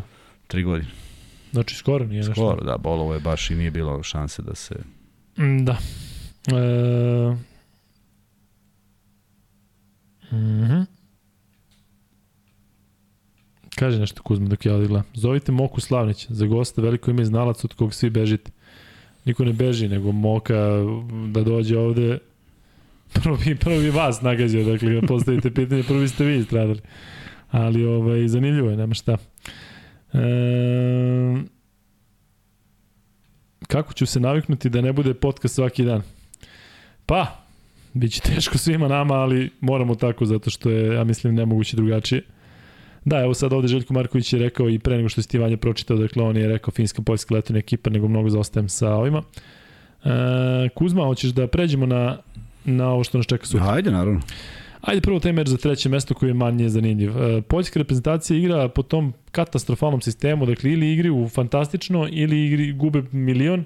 E, šta očekuješ sutra? Iz ugla Poljaka. Iz Dakle, ugla sada- Poljaka, koliko god, juče smo pričali koliko god je, ta, je, ta jedna pobeda donela euforiju među navijače u naciju, u sve, onaj drugi poraz je možda nešto bolnije nego što je potrlo potpuno taj taj osjećaj. Tako da su oni u jednom jako lošem momentu gde, gde žele da poprave utisak. Nije, neće biti uopšte lako, s obzirom da je jedna ekipa koja nije u finalu, nije ni malo naivna igra na domaćem terenu, kivni su na sami sebe, što negde malo drugačije nisu odigrali završnicu utakmice i stvarno ne dajem Poljacima baš nikakve šanse. To bi stvarno bilo čudo, ali kako su krenula ta neke, neke utakmice i čuda koje su dešavala, ali ne vidim, ne vidim da može uopšte, pogotovo posle ovog juče, prekjuče kad je bilo, da se juče, prekjuče, Da. da se desi. Prema tome, verujem da ćemo gledati sve igrače Nemačke na terenu u smislu da osete parke, da budu deo jednog velikog triumfa osvajanja treće, trećeg mesta i čak mislim da ni ta savršena utakmica protiv Slovenije da traje i duže ne bi mogla da poremeti Nemce jer su ipak pokazali mnogo jači kolektiv i videli smo gde je bila slaba tačka Slovenije a eto to savršeno polovreme je zaista trajalo 20 minuta i neko je u, tom, u tom svom polovremenu formirao celo evropsko prvenstvo, pre toga vrlo diskutabilno promenjivo iz utakmice u utakmicu uspona i padova, dekoncentracije, loših ideja, loših poteza. Kažem, sublimiralo se u to jedno polovreme koje je bilo fantastično i očigledno dovoljno za veliki uspeh, tako da mislim da nemaju za čim da žale, a da sutra samo odigraju bez nekog grča, jer mi je delovalo da su oni očekivali mnogo više od sebe na utakmici protiv Francuske. Pa makar da bude interesantna utakmica. Um, a što se tiče Nemaca, ide iz njihovog ugla u smislu, e, iza njih je ovo udarac, sam si Udarac, rekao, udarac, udarac, veliki, je, ali ima, ja mislim tako da je ipak pravi melem da ipak na kraju Udarac napostavlja. posle svega pokazanog, ali ne verujem udarac pre, pre ovaj, samog prvenstva. Znači, ne verujem da su baš svi gledali da mogu da dođu do, do, čet, do polufinala. Međutim, kako se otvarale utakmice, kako su bivali sigurni, stvarno su igrali onako jednu dobru košarku sa, sa raspoređenim poenima, sa nekim vanserijskim šuterima. Ono što smo gledali od njih, malo koja reprezentacija imala na ovom evropskom prvenstvu. Tu su se pojavili igrači koji su igrali u reketu, Obst, prosto neverovatno je ispao dominantan u nekim čak ne samo poenima nego i u skokovima, neverovatna želja, on je skidao i šta može i šta ne može. Foytman koji ima dovoljno veliko iskustvo da, da, da, da pogodi kad treba da se podredi kolektivu, tako da vrlo jedna homogena ekipa sa trenerom koji zna šta radi i samo kažem podbacili su u tom segmentu završnice utakmice protiv Francuza jer su se, jer su se uzdali u šut koji je eto zakazao Misliš protiv Španaca? Da, protiv Španaca, da. Jer je zakazao i to je to. E, šta mislite da udari da onaj treći free bet bude humanitarni, pa makar bili ove dve utakmice? Mm, ne znam, Hm? ne znam. Pa daj, daj ili ne? Sad ću reći zašto ne znam. Nedelja je A, da, na Max Betu što je- manje ljudi, dok ja to sve povatam. Jasno, jasno, jasno. A i samo su dve utakmice, da. Da. razumem. E, Vanja, ti možda staviš pol da vidimo koga ljudi očekuju sutra u meču za treće mesto da će pobediti, mada znamo svi. Samo me zanima kolika će biti razlika u korist Nemaca. Dakle, ko će prema vašem mišljenju biti bolji u meču za treće mesto, Nemačka ili Poljska? E, pitao da li ćemo imati novinar na licu mesta na prvenstvu za žene, trebalo bi. E, da, Vika ide sigurno, koliko sam video po nekom planu još neko. E, slušaj, ovo, neozbiljno je da Luka bira koja su tri kandidata, makar je njegov podcast. Ne biram ja, ali vi ovde... Ne, krajnje neozbiljno. Ali jeste, pravo si, moj Kuzmin je podcast, što znači da možda radimo šta hoćemo. Znam da vama to zvuči možda bahato, ali uh, ja nisam izabrao Milovića znajući da je Milović ovde pričao da neće. Nego ste vi pisali Milović, Milović, Milović, Milović, Milović, pričali smo Đorđević, pričali smo Pešić, ne možemo da stavimo ko će bude e, dalje selektora, Pešić dalje selektora. A, ali ima predlog? Ma, evo, Alim Pijević i Džikić i Čanak ima predlog, ali zamisli da staviš Pešić, Đorđević, Čanak. Pa bi onda sad krenuli ovde, a gde je, što si takav, ne znam šta. Teško, teško je ove i svima ugoditi. Uh. E, da. Luka, molim te, hoćeš mišljenje za nas slučaj u repki, da li se može videti i osvojiti, da li se može nešto osvojiti ako ti je centar najbolji igrač, vidi NBA i Golden State Warriors se petuje pa Dobro, pričali smo o tome, nemoj se ljutiti G Master, ali zaista na kraju deluje da je, da je bilo ovaj, da je bilo ovaj, uh, tih nekih grešaka u smislu da je trebalo Jokić da igra više i to protiv Italijana neke sitne stvari i oni pogodiše sve i gledamo da se što manje vraćamo na taj meč. Kuzma, molim te slušaj ovo. Ljiljana Nešković kaže, Ako niste pomenuli, a nismo, večeras u Novom Sadu bila je humanitarna utakmica Vojvodina Bursa u spomena Stevana Jelovca. Si znao to? Ne. Nisam znao nija. Ne, pa ovo je, ludi, ovo je nisam dan, znao, nigde ali- nismo pročitali. Ali da. pritom sam video da se igraju neke prijateljske utakmice. Dakle, pratim, verovali ili ne, zaista pratim uh, prijateljske utakmice naših timova. Znam da je Bursa igrala protiv Mege, Bursa je ovde u Srbiji. Bursa igrala protiv Mege juče, ja mislim da su igrali protiv FNP-a, dakle igrali su se ti mečevi, ali nisam, ako, ako je to tako, ovaj, e, ne znam kako da podržimo. Za Boga ovde o Stevanu Jelovcu smo pričali najviše, ja sam govorio da bi trebalo da bude motiv za naše igrače da tamo napravi rezultat za Stevana Jelovca koji, ako se sećate, nevjerojatno čovjek, da pričamo o čovjeku koji više nije živ. Ali e, ako se sećate, on je bio jedan od onih koji je sećam se ono protiv Austrije, kada je Vramović dao trojku tamo za pobedu, dok je Sala još bio trener, koji je vukao ekipu, pa se zaleti na Saleta, koji je bio taj neki lik koji, koji baš ima posebnu energiju, E, bio je specifičan, onako uvek je jedan od onih igrača koji, ne znam da si ti to primeti, ali neko koji uvek, znači bio spreman da uzme šut, preko ruke, preko ruke za njegovu poziciju, onako levoruk, sećam se u ovom, a baš, u Gaziantepu, e, Marković je bio trener, kod njega nema baš, znaš, takvih šuteva, znaš, i sad Jelovac, šest sekund, op, op, pogodi, što da više ruke, šta je, op, sledeći napad šutira, ali, ovaj, kažem, ako je neko zna nešto više o meču u Novom Sadu, neka nam piše, Ali vidi, mene sad zanima, pazi, shvatili smo mi koliko znači taj neki marketing. Video si i svi koji prate Instagram nalog makar, pa, pa i Facebook, vide koliko ima objava oko nekih sitnica i koliko se ljudi ispajaju i koliko posle komuniciraju. Ja ne mogu da verujem da nismo dobili tu informaciju jer ja u stvari pratim mnogo toga, ali nigde, apsolutno nigde nisam video. To mora bude neki agresivni marketing koji Mora, će dopreti, mora, da. dopreti jer nešto tako divno da se napravi, a da, a da ne zna više ljudi nego nekih x ljudi iz Novog Sada, pošto igra u Novom Sadu, nema razloga. Mislim Iljana, da je izvini da me ne stiš pogrešno, ti si carica što si ovo napisala, Da. ali bi bilo super da smo re- recimo znali juče. Pa da. Da. možemo mi ovde da ispromovišemo, Da. pa da onda možemo i da malo proširimo, pa da možda pustimo na sport klubu, zato što je to zaista stvarno stvarno nešto što treba ovaj, em, forsirati. Uraditi, Tako je. E, edukujte mlade, idite kod Mikana ako već on neće za Beograd. Nije hteo ni kao mlad, ha, da ljudi čuju igračinu. Da, bilo bi lepo videti ga, ne znam kako on izgleda sada. Koga? Dakle, pa Grušanović. Kaže, Odlično kod izgleda. Mikana. Pa mi bismo odmah, moramo to negde da smislimo, U samo nekom vidiš kako hoćemo, samo sada... kako Kada? se sve poklapa. E, pazi ovo, Ivan Đorđević kaže, fun fact, domaćini Eurobasketa 2025. će se direktno kvalifikovati, ali će biti deo kvalifikacija. Dakle, Letonija, Finska, Poljska, dobro, Poljska, le, ok, Letonija, ok, Finska, ok, Kipar jedino što su im verovatno hteli malo Kipar da svi mole Boga da ih izvuku sa Tako njima. Je. Evo, kažu i ovdje Ilija Đoković je novi član Temišvara. Odlično. Meni je drago zbog toga. Pozdrav za sve u studiju od igrača iz Stafa Temišvara. Redovno ste slušani samo Da, napred. je to Nenad? Ko je Marković. to? Nenad Marković. Nenad Marković, pa da, Nenad A Marković. čekaj, jel tamo on, šta je? Pa on je trener. Nenad Marković je trener tamo. Da, da. Nemoj izvesti. Koji Nenad Marković? Iz Jagodine? Da, ne, ne, ne, Nenad Marković, Pa to i- jeste. bivši igrač Olimpijakosa i trener Gaziantep. Nisam mislio na njega.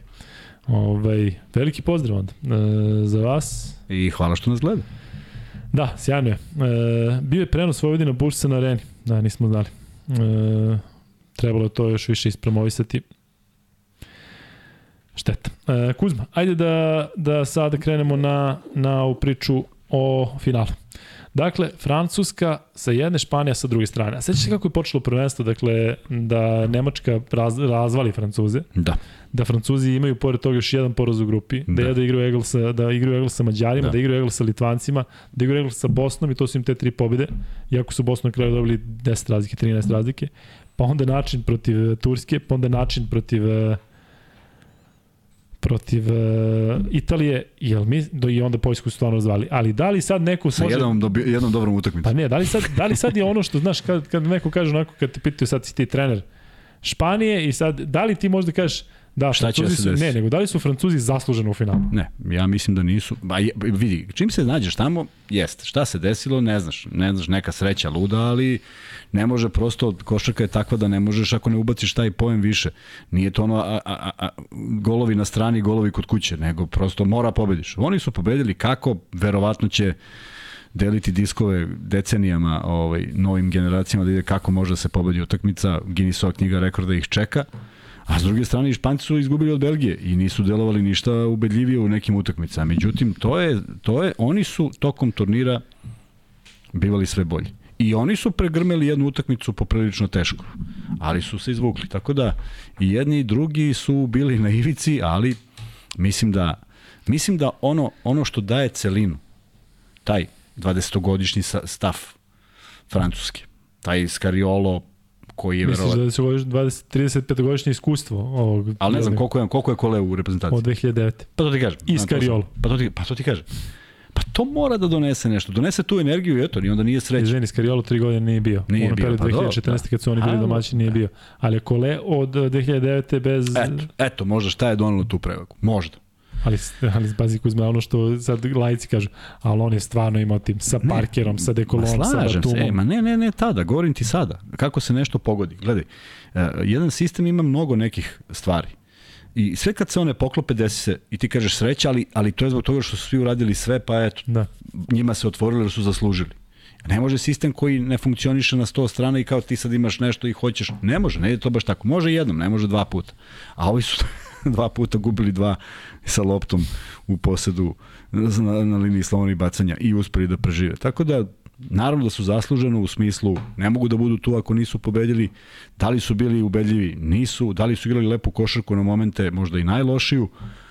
Smogli su snage, odigrali to što je trebalo i onda demolirali Poljsku i sad oni sa neverovatnim samopouzdanjem ulaze otprilike kao sad fali još samo jedna utakmica. A Jabusele da, da mu daš ono, znaš, milion dolara da odgovori iskreno kad je sago glavu na prvom ovom produžetku na prvoj utakmici kad su bili produžeci nije verovo, da da, verovatno se spakovao već i krenuo ka slačionici. Ali Ajde to da je se tako. nadovežemo na to, pa ćemo i kasnije još malo o finalu, ali evo, e, pita Vuk Grbić, ko je MVP? Naravno, ako Francuska osvoji i ako Španija osvoji. Ako Španija osvoji, bit će Lorenzo. Lorenzo, da. Ne Vili, a? Ne, mislim, pa pazi, Dobro, koliko ima recimo ta utakmica? Sada Vili Aaron Gomez ima 30 plus 10, a Brown ima 6 uz 2 od 18 iz igre. Koliko MVP turnira ima zaista veze sa celokupnim turnirom, a koliko kada nagaziš na finalu? Ja mislim da MVP-a gledaju kroz, isključivo kroz statistiku. Mislim da se tako bira. Pa ko ima veći indeks, to je to. Ne, šta je utisak? Da. Možda ovaj. Da MVP ovaj zlato. Da, redko, ne može, mislim, nisi Da, da, da, vodio nije, ali pa i sad ovo, ako Francuzi uzmu, meni je Busele Oni će MVP. podeliti, oni će podeliti. Ne, ali ko da drugi da bude? Pa, Pa Busele najveća glava Pa, na turniru. Fournier je izvukao Jest. par utakmica. A Gober ima. 6 poena, 6, evo što ti kažeš, 6 poena, 4 skoka, 6 ovo, 3 blokade i znaš što ti kažeš, Gober kao dao samo 6 poena, Da, da, on čovjek zakucao, zatvorio, on zakucao, vratio ih u život. ma zatvorio. Ili koji da, imao izbor jest, rešenja, sad jest, čujem jest. Bože, on daje poslednji koš koji, Jest. koji ih vodi u produžetak. Tako da, ne znam, neka se bave time, ali mislim da se statistički bira. Uzme se jednostavno učinak svih i ko se tu bolje pokazao. E, Vanja, stavi ovaj, molim te, Španija ili Francuska za finale. To me baš zanima. Jede da vidimo da imamo što veći što veći broj e, odgovora. Ima ovde dosta pitanja koji nemaju veze sa ovim o čemu pričamo. Koliko smo ispucali free betova? Jedan? Dva. Je tako, Vanja? Koliko? Dva? Free beta, a? Pa ne znam, Kuzma kaže dva. Pa zar nismo ispucali onaj Furuna? Furuna i? I ne znam, otkud znam ja. Te šta šta uradi ovih 16? A onda nismo, ajde, šta sad ljutiš? Ove, pa koliko si dobio na Instagram ovih? Ma niko se nije javio. Top se javio. Top se javio. Me, meni se čini da je bio drugi free bet. Pa i meni se čini. Ajde, podsjetite nas da li je bio drugi free bet, vidite da smo poludeli. Nema, niko nije poslao poruku. Što ne znači da nije bio, ali mislim da nije. Da. Ne pošalju odmah. Kaže na sport klubu piše live. Da, pa da. To je misterija, to je, to je... Mislim da nije bio drugi Nije bio free drugi. bet. Evo ga Vanček, gde si bre Vanček? Daj kameru na tebe da vide kako Ne. ti stoje majica.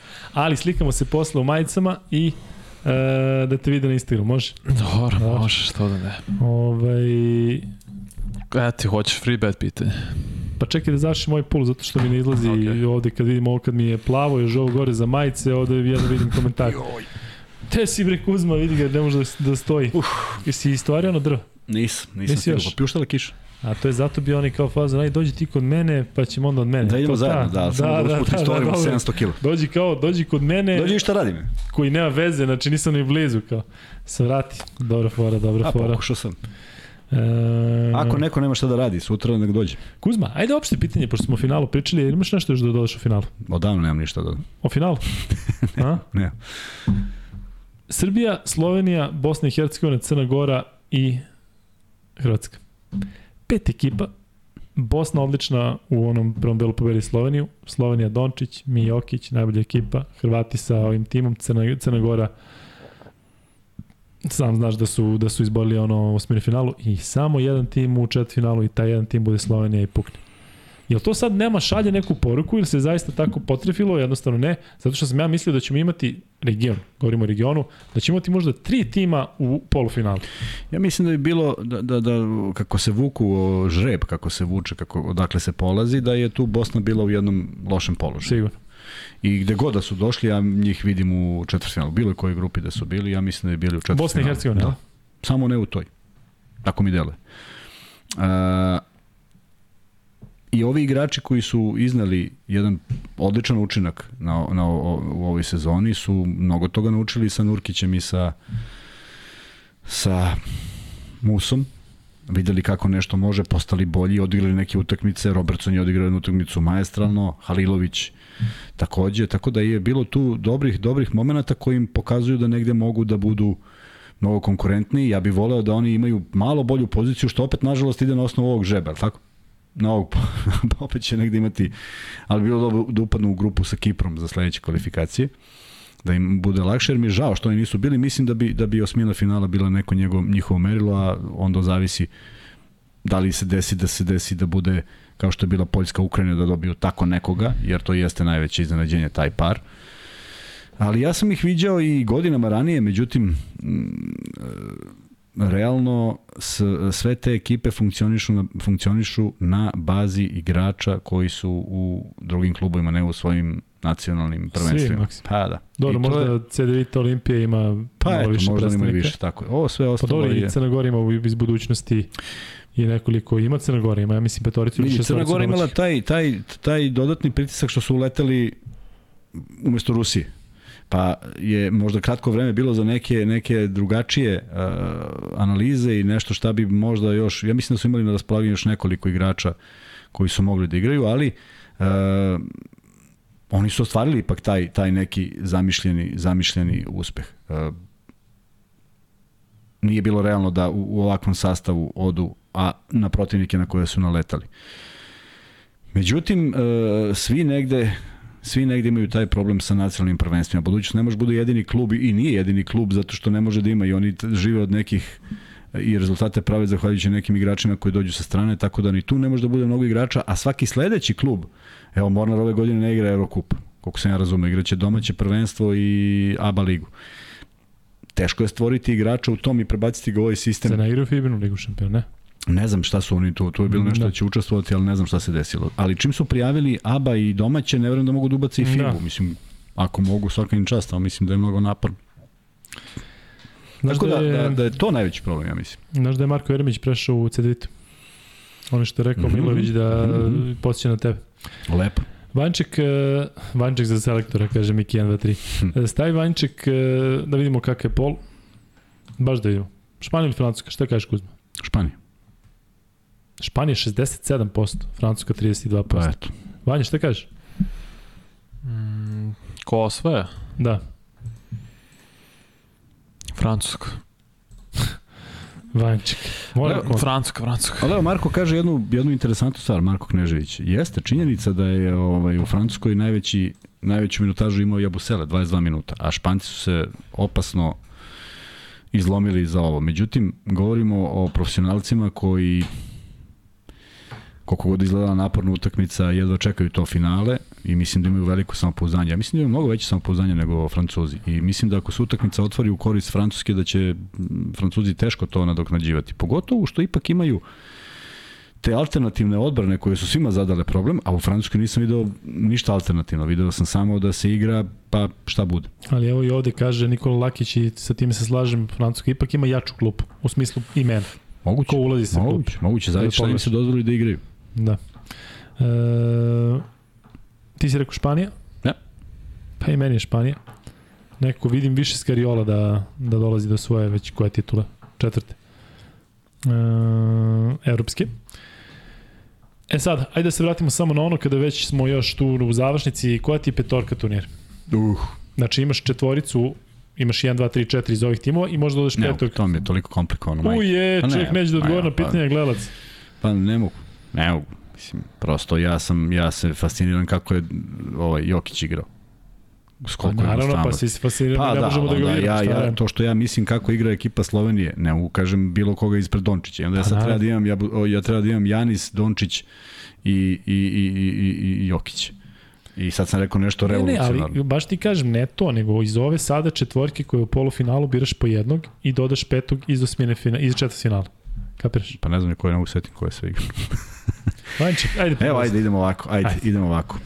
Nemačka, A, Nemačka, Obst.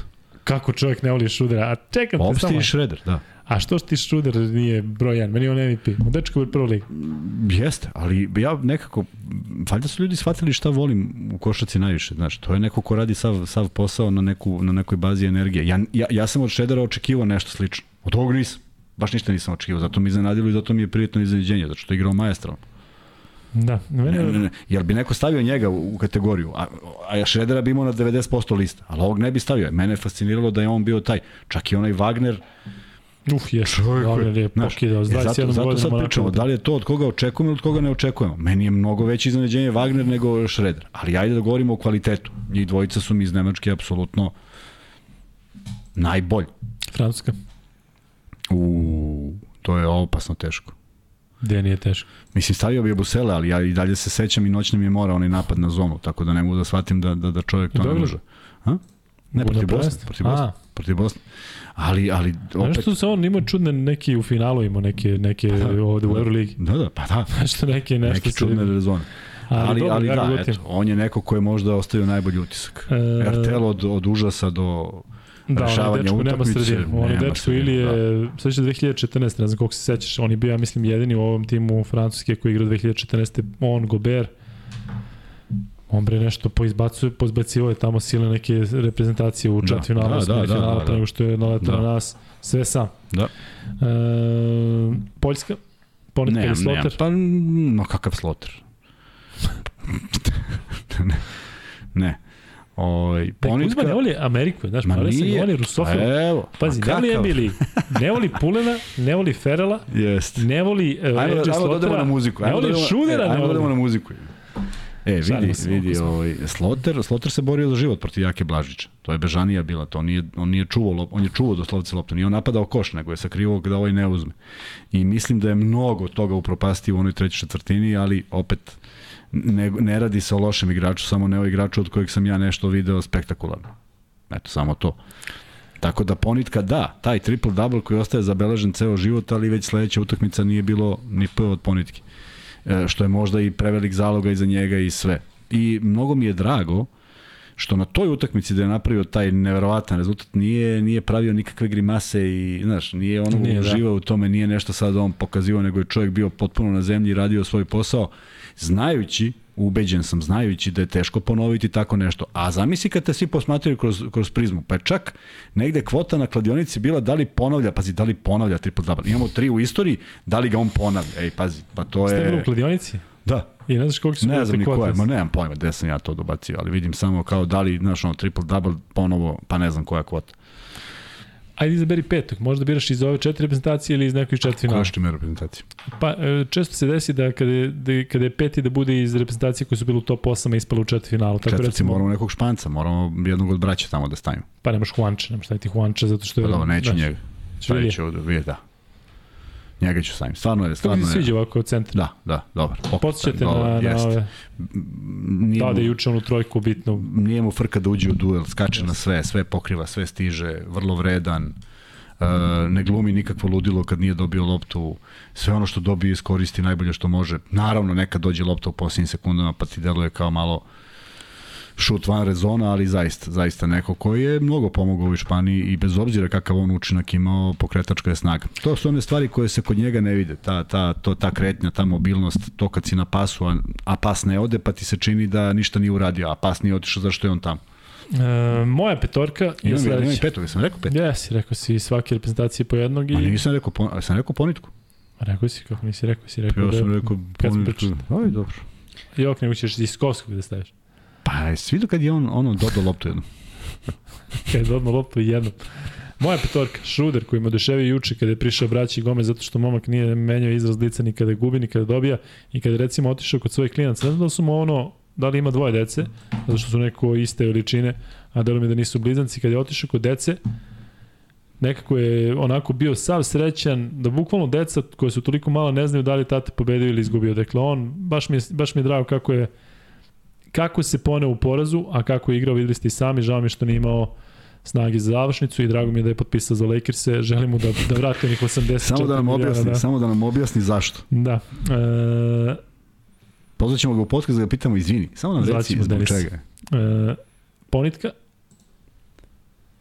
iz Španije Vili, iz Francuske Busele, i sada kada treba peti, recimo iz četvrt finala, i Markane ili Dončić, ipak U, Markane, Markane, naravno. Zato da. što je on sa Finskom ipak napravio, ajde da kažem, nešto što se sigurno smatra uspehom i Španiji koja vrlo lako može da bude i prvak. On je i tekako ovaj, uh, Dušo nije tu odigrao nešto dobro za svoje standarde. Ima pre toga za, za protiv Hrvatske 43 pojena ovde je dao 26 i 10, ali u prvom poluvremenu ja mislim šutnu 3 ili 4 puta.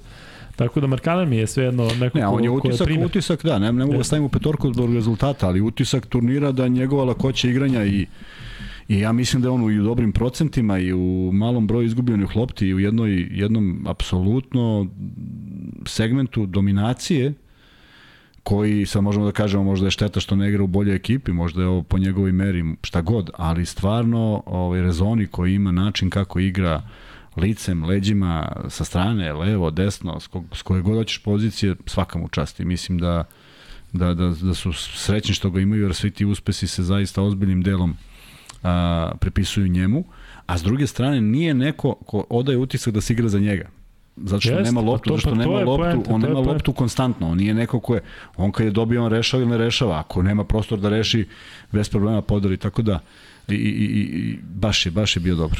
Biće zanimljivo zato što je, ne znam, Finska je bila domaćin 2017. godine. Dakle, opet će biti domaćin 2025. Ali biće, kad su oni domaća ekipa, onda igraju još za Još klasu luđe, bolje. da. Imaju ovog malog, ne znam da se isplatio Finci uopšte na turniru ove godine-. Imaju onog Miro Litla, onaj mali što 18 godina ulazi kao backup play, koji onako deluje da ima onu stvar i da ima... Vidjet ćemo, da, on je najmlađi u ekipi, jel tako? Da, da, i to, to onako baš se, baš Pristojno se izgleda, kida. da. Ovaj, um, Vanček, ti, petorka turnira. Ako Španci osvoje Brown, Schroeder, Ponitka, Markanen i Vili, ako Francuzi samo zameni Vilija sa Gobera. Na poziciji centra, to je to. Rekao bi da si imao spreman odgovor. Kako si odgovorio, aj Kuzma, Yes. yes. da je rasla vamo. Da... Razmišljam danas tokom dana, baš. Jeste. Dobro, pa upravo si, da, ako ovi osvoje dvoje, Mo- ako ovi osvoje dvoje, da, to će Ne, biti ne, realno. ne, neće, ako Francuzi osvoje samo Gober. Nema dvoje, nema dvojice. Onda Markana stavljaš. Markana svako ostavlja, ne može dečko stvarno odigrao.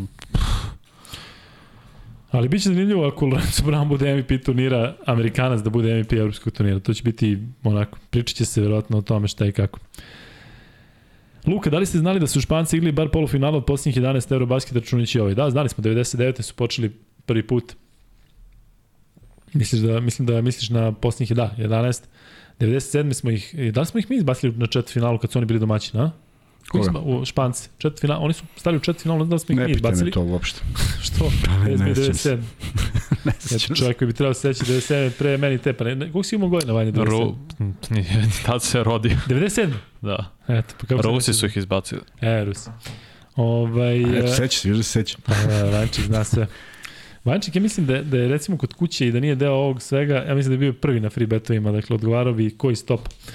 Um, Hoćeš sad free bet da ti... Da. da. Ajde, Vanjin drugi free bet, Koja dvojica igrača imaju najviše MVP nagrada na evropskim prvenstvima?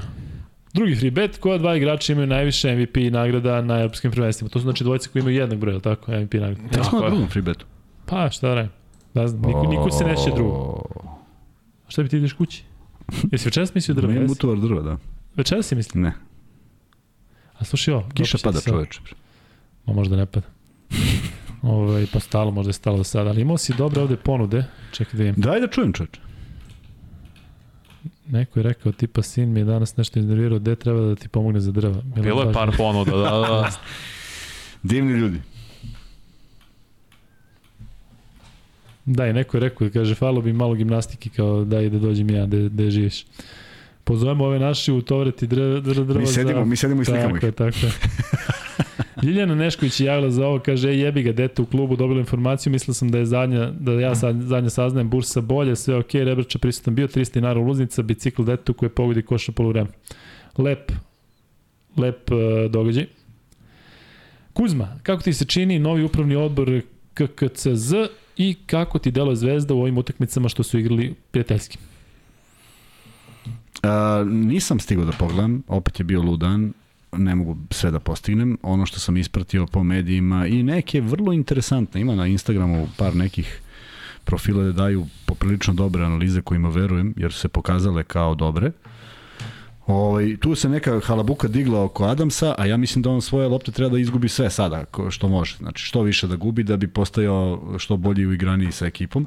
Tome služe utakmice i verujte mi na reč, ta, ta faza pripremnih utakmica nekada se nije obraćala pažnja toliko na to zašto su bile pripremne. Sada je to dostupno, čak se i prenose, što nekada nije bio slučaj, onda si imao utisak da sezona počinje i samo si pročitao rezultate, ne znajući ko kako igra ovde, sad je sve merljivo mnogo više, ali svaki trener, ako je neko rekao, neko isko prokomentarisao da ga je Vlada Jovanović pustio da, da radi, da, ovo je moment da ga pusti da radi šta god, samo da bi shvatio i Adam šta treba da radi i da bi igrači shvatili šta Adams može, jer nekada nije greška samo u Adamsu.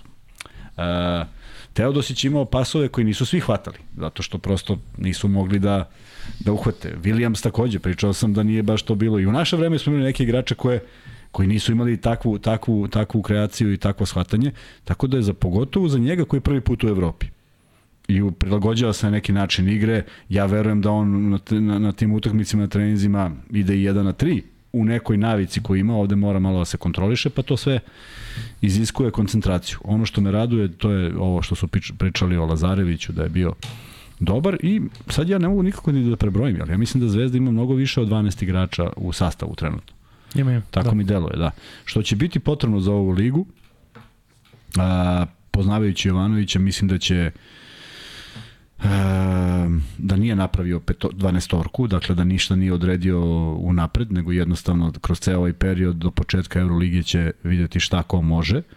Mislim da je to jedna zdrava konkurencija kad ima, kad ima više igrača da konkuriše, dakle niko nema obezbeđeno mesto i to je s jedne strane dobra stvar, a s druge strane u novom formatu ABA lige koji nas čeka, bit će još zahtevnije, dakle još se povećava broj utakmica, prema tome bit će potreban mnogo veći broj raspoloživih igrača za ovu sezonu koja umesto da smanji broj utakmica ove sezone se povećava. E, Vanja, koji je tačan odgovor? Ćosić i, ga, i Gasol. Dakle, prvi je Luka Ristić, je li tako? Tako je. Dakle, Luka, imenjače šalješ na Luka i Kuzma, vidiš da je sve Luka. Uh, Luka i Kuzma, Instagram šalješ svoj MaxBet ID. Imamo posle još jedan free bet. Uh, slušaj Kuzma ovo, se koncentrišeš? Potpuno. Čekaj Kaži da Kuzmi, sve. kaži Kuzmi da je Nova RS stavila sponzorisanu objavu gde on izjavio zašto je Jokić došao da igra za Srbiju. Čekaj, čekaj, još jedno. Rekao sam da se koncentrišeš. Ajde. Je sad spreman? Evo s početka. Kaži Kuzmi da je Nova RS stavila sponzorisanu objavu gde je on izjavio zašto je Jokić došao da igra za Srbiju. Ko on? Ti.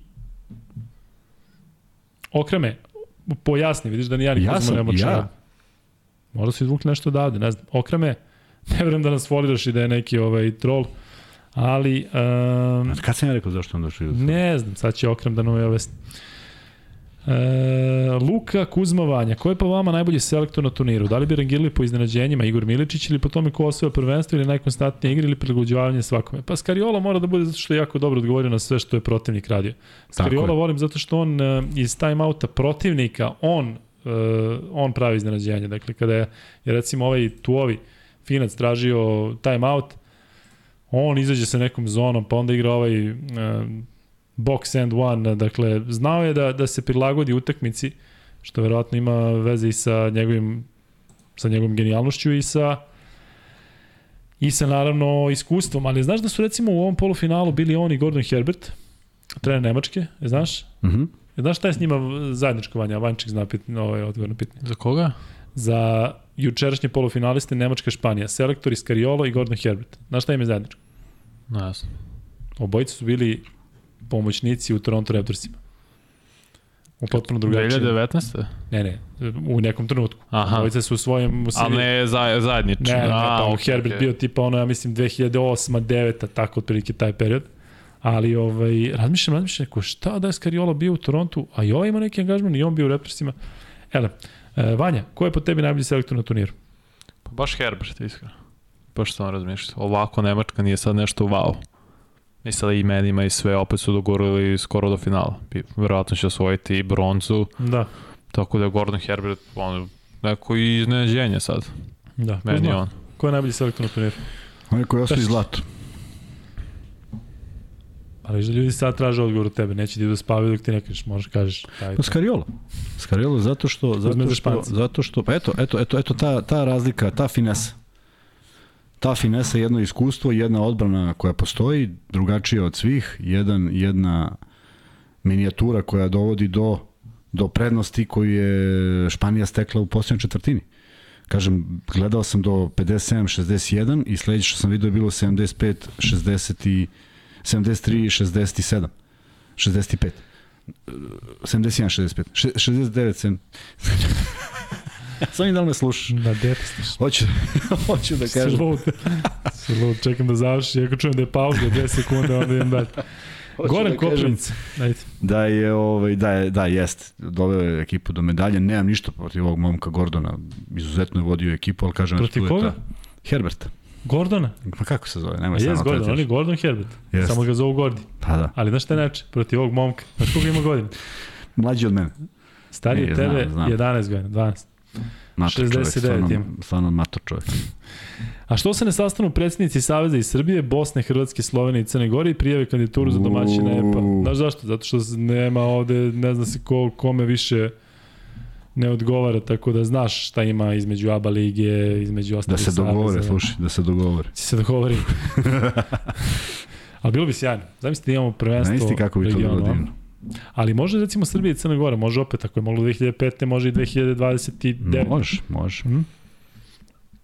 Da, Vratit će se na format od četiri godine. Je, Isus Hrist. pa da. Strašno. 25. 29. Šta? Strašno.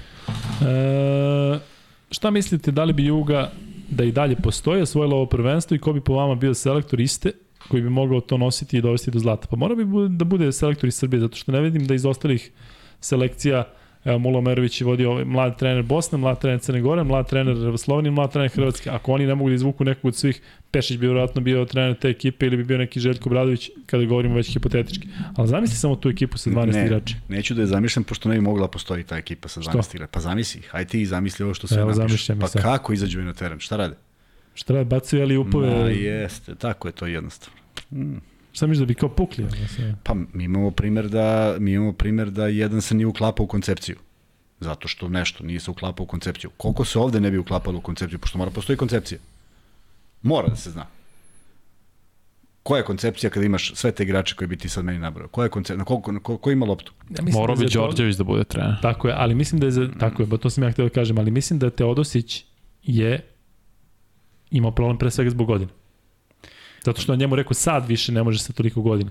Ovo su sve mladi igrači, nemaš ti nikog iskusnog u... Ma, ne bih, ja sam, ja, ja e, e, mo, e, Jugoslavija je funkcionisala na principu da je Zoran Čutor, Zoran Čutor, To, Zoran Čutor, Jasno. Čutura, je bio deo reprezentacije. Znaš koliko je četvorke bilo boljih od njega u, u Jugoslaviji? Koliko? Kako hoćeš. Ali on je služio tu zato što je služio. Dakle, ne možemo mi sad kažemo da bi reprezentacija bila sastavljena od Bogdanović, Bogdanović, e, Dončić, Jokić, Vučević. Pa ne može. Prosto ne može. Kako ne može? Pa dobro, ajde, može. Pa naravno da može. Pa dobro, ajde. Ej, sad će se nađeti. sad ću se naljutim, da. Ne. Samo idem kući, neću se Ovaj, ljutim uopšte. Dobro, Ide- probajte ide da nabrojite 12, 12 oricu. Šta 12, Za ima početak. svih 18, Ma ne znam, znam, 20. znam, znam, znam da ih ima. Znaš šta je, teško je po pozicijama, zato što, znaš, ako stava, stava... Kreni od znaš, playa. Jučić. Pa, a, ti trebaš da imaš... Jučić. Prekjučić. Ali Jokić, Vučević i Nurkić na centru. Da mislim, Jedan će otpasti. O, Neće igrati nema, Nurk. nema, rea- recimo, nema, šta da ne igra Nurk? Na primjer. Ili- Nurka vratno ne bi igrao zato što bi se potukao sa svim. Ali, Na primer. ovaj, Ova dvojica, eto. pa čekaj, Vučević, imaš Jokić. Pozicija Zubac centra. ne može. Mislim, Zubac, ajde da kažemo da... Pa, da nije. realno su ovo dvojica najbolji. Dobro. Šta ćemo? Ćemo četvorka. Ajde, Da je zdrav Bjelica, meni je bio Bjelica. Znači jedna opcija.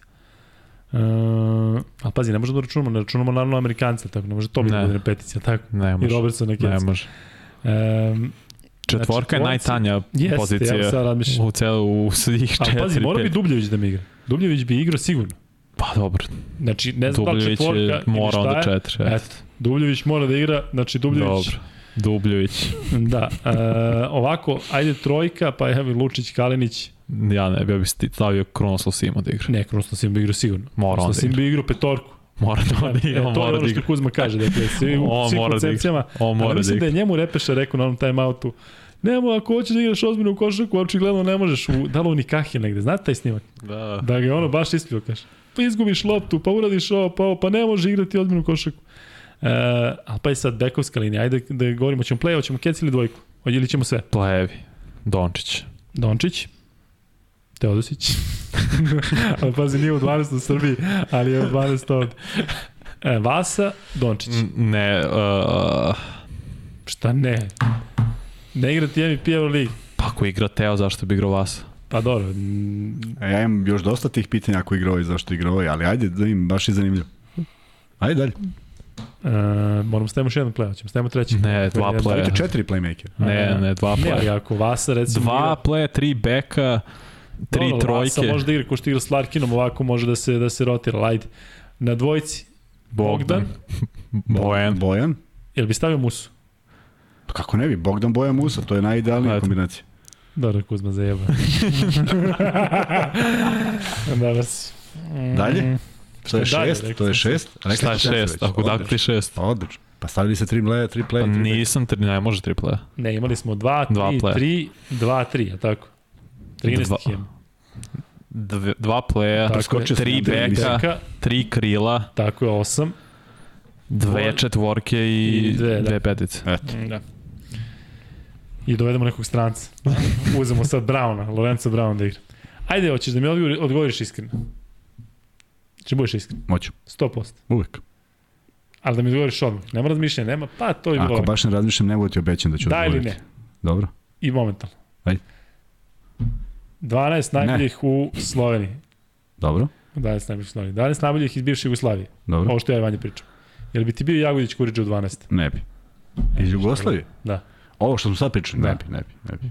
Ali Ne. treba bi jedan takav. Trebalo bi, ima, ima igrača koji to mogu. Da. Ali onda se, onda se pomera, onda se pomera kriterijum. Onda, na primjer, sad ja kad bi rekao bilo koje ime, taj bi verovatno se naljutio i neko rekao da sam Da. ga prozvao. Znači, e, Pera bi se pomerio iz stabilne pozicije svoje u jednoj ekipi na čoveka koji je zadovoljan što je to ekipi i rnga. I to je to. Znači, to bi bio Kuriđa. Ne mora bude Kuriđa, može bude bilo ko ko želi to tome da se posveti. Postoje naravno takvi igrači kojima nije teško da promene ulogu u ekipi i naravno da bi bilo. Kuriđa, ne, znaš zašto Kuzma ne bi stavio Kuriđu u 12? Znaš zašto? Zato što mu je to mesto rezervisano za Davidovca. Samo zato. Znači, to je jedini razlog. Dobro, raspričali smo se o ovom pitanju. Morar je zakasnio da se prijavi za Fibinu ligu šampiona, administra, administracija zakasnila. Ako je tako, onda je zaista bizarno.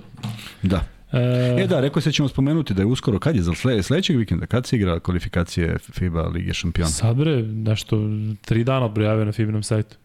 U, u radnoj nedelji. Da, da. Pazi, najkasnije, u stvari da, moguće da je 24. Vi, išao sam danas, ali znaš da igra se na nekoliko kvalifikacijnih turnira, igra se, ne znam, Znam, vamo, znam, znam, vamo, da, da, da. Makedonija, da, negde da, šta. Da. Zaboravili smo. Neće, neće Bjelica igrati četiri. Mirotić igra četiri sa Dubljević. Ne može Mirotić španac čovjek. Pa dobro, jel, zar nema... Pa ne znam da li ima ili ima, a? Crnogorski pas? Da. Pa naravno da ima. Ne, ali da li može da igra za drugu Ne reprezentaciju može, koju je već ne može, igrao ne za ovo? znam, nešto- nešto, naravno da, ne ima. može. Ima neka Da, prepreka. ali bi bio, bio bi Mirotić ovo. To je bile take tuče u slačionici, znači to bi se... Ali bi Da, ali bi na terenu, ali bi na terenu bilo savršeno. Pa, to, Još Hezonju uzmeš na poziciji 4. Ne, Hezonja tri. 3, još bolje. da li što ti kažeš, mora bi Sala da bude trener. Mora pa Imam nema. jedno pitanje, ali da mi o, Kuzma samo da, da pokaže pre. Baj se do. Da li je bio Vladimir Štimac ovde? Da li je rekao da je Sale tip koji se razdire na tebe i onda uzme posle zagrlite i davao je primere, pa smo onda zajedno pričali o Orduljici. Jel se slažeš? Slažem. Vladimir se slažeš. Slažem se. Da je Vladimir Micov ostao u slačionici, da nije pokupio stvari, istuširao se i otišao.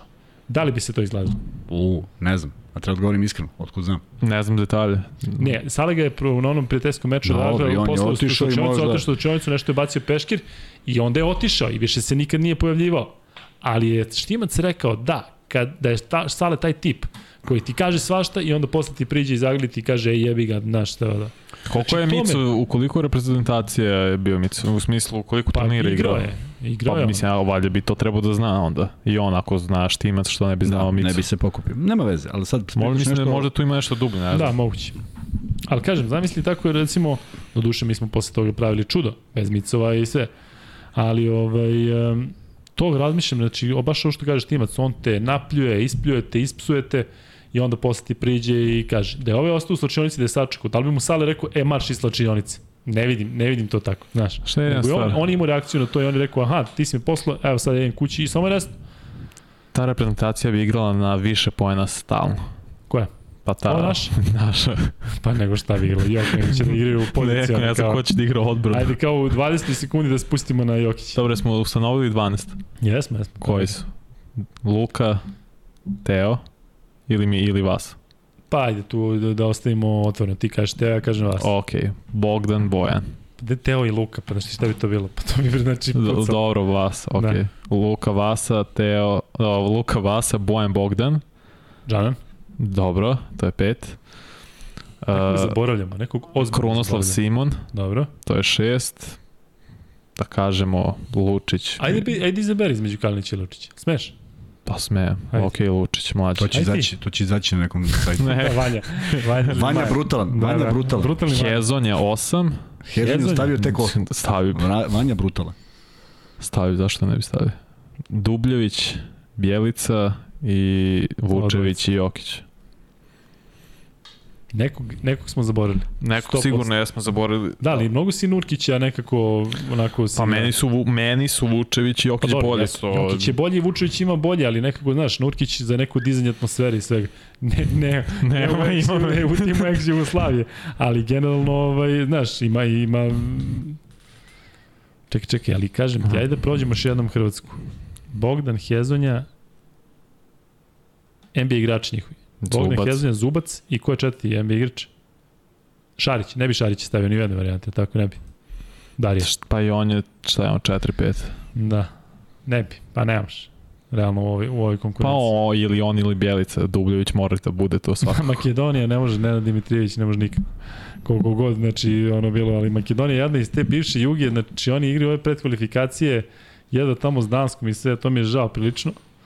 Ali ovaj, iz Crne Gore smo rekli ne može niko. Pa Dragića jedino tu, Dragić, bre. koga zaboravljamo. Pa, Onda otpada zaboravljam. vas. Pa ne može, otpadne Jel, Vasa. jel, jel, jel idemo i oni preko 40 godina? Pa, Bruno Simon. Da sam da smo nekako Čekajte ljudi. A? Šta fali? Imaš... Pa i fali. Fali što je u godinu. Ako Rudi može, što ne može Kronos Simon. Zašto Si igrao ti protiv Simona? Nisam. On je u Zagrebu bio 2000, a Nisam. da, nisi, nisi mogao da zaključiš nikako. Nisam. Da, stvarno nisi mogao da zaključiš nikako. da, da, da, da. da. Šta više, Kuzma je, ovaj, Simon je mator, rekao, ali nije toliko mator, da. Dok uzme, možeš ti moliti da samo da izabereš, ili samo par igrača da da nabraš, bude. ne moraš ceo tim. Šta, je, šta fali ovim što smo mi nabrali? Šta ti je najveća boljka? Boljka što ne da igraju. Znaš da ima onaj izraz, fali im jedna lopta, a ovde fale četiri. To, to je tačno. I samo to, ništa više. Ja bi, e, ja bi volao to da vidim. Ali, ali, ali čak, ajmo samo da se vratimo u period pre nego što se Vanja rodio. E, Ali koja je odrednica? pa da, mnogo dobrih igrača je bilo u SFRJ i nisu pri, pri, pri, približili se reprezentaciji, jer, jer, jer su menjali uloge u reprezentaciji i nikad nismo imali duplirane poz, pozicije sa, sa istim igračima. Samo zbog toga. Znači, ti već u startu mora se opredeliš šta je ideja. Da. A tada je bilo 22 miliona ljudi, mnogo klubova, mnogo dobrih igrača. Naprimer, a, Bogosavljev i Nikolić su igrali B reprezentaciju. Nikad nisu, jako malo su puta mogli da dođu do, do A selekcija. Nisu bili loši, Nikolić nije bio loši šuter od AC trice. Nije bio loši šuter, nema šanse da je bio loši šuter, ali prosto takva je bila koncepcija, tako se išlo. Prema tome, bilo je tu mnogo dobrih igrača i neke nisu uparivali jer prosto nisu mogli zajedno. Tako da ovo sve ovo zvuči fantastično. Šta, pos- šta je iznedrio ovaj region, ali da oni, ja bih volao da ih vidim zajedno na revijalnoj utakmici, neko se neko nekad osmisli i kaže, Evo, evo ja vas osmišljam sad. evo, Jel može? I, neko Željko kaže- Bradović ih vodi, koga svi, koga svi igraju protiv Amerikanaca. Eto, nekome, nekome smo dali predlog za ideju, ako nas se seti, seti. Pa mislim da se seti, evo sad predlažem, sutra ćemo moći da obavljamo razgovor. Ajde. Ne, vi ste u pravu, Kalinić umesto Lučića, baš se to Slušaj radim. ovde gde Vanja ode. Slušaj bre Vanja, Vidi Vanja, e, on sad uzo tamo, 2023. je svetsko nećete, prvenstvo. neće pisati ovi o tebi. 2023. je svetsko prvenstvo. Tako, tako je. 2024. Dobro. su olimpijske igre. Dobro. E, Da se zakažemo, da utakmica. zakažemo revijalni meč. Ali samo s ovim starijima.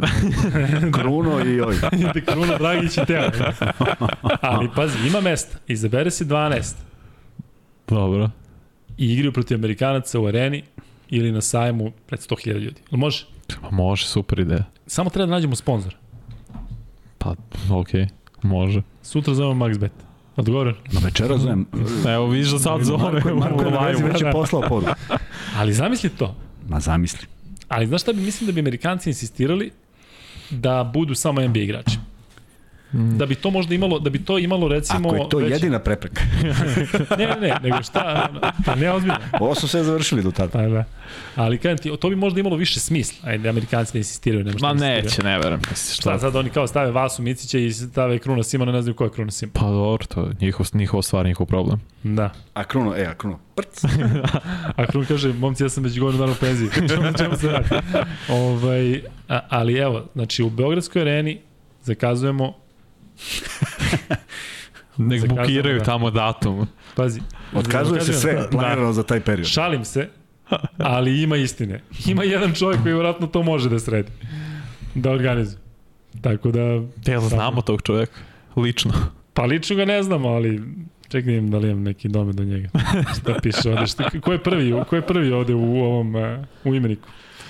E, dobro. I znaš šta, od te utakmice ne bismo dobili ništa osim spektakla, samo da znaš, da se ne nadaš ovaj, nego Samo neverovatnoći. spektakl. Spektakl, neverovatnoći da budu na jednom mestu. Inače, igrački i dalje ne bismo ništa Ma ni ne, dokazali, ali, ni ali bi mnogo bilo bolje, ja mislim da tad ne bi falilo lopte. U smislu da se stvarno igra za publiku. Da, Gru, da, gruvi tada su sa ne, njima tada ne, 120 da, poena. to je, to je zabava. Pa to je i All poenta. Star, All Star utakmica. Bukvalno kako se igra danas.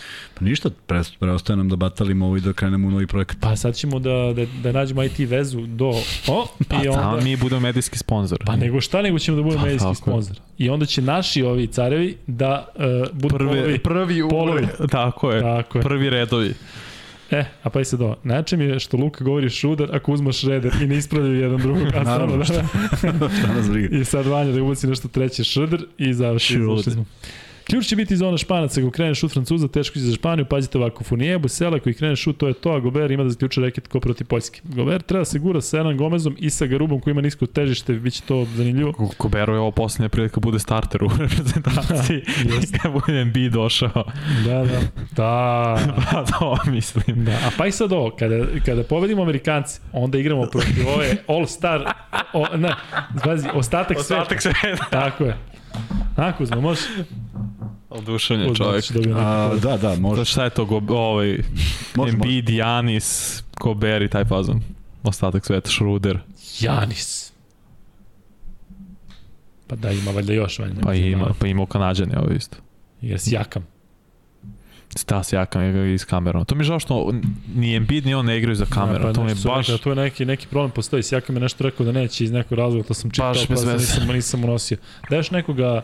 Markanen. Ovaj, Markanen. Ponitka. da. Sloter, sloter, sloter igra, znaš. Da, ali... Uh, pa ima, ne, pa ima stvarno. Spisu. Staviš Spisova kao glavnog igrača.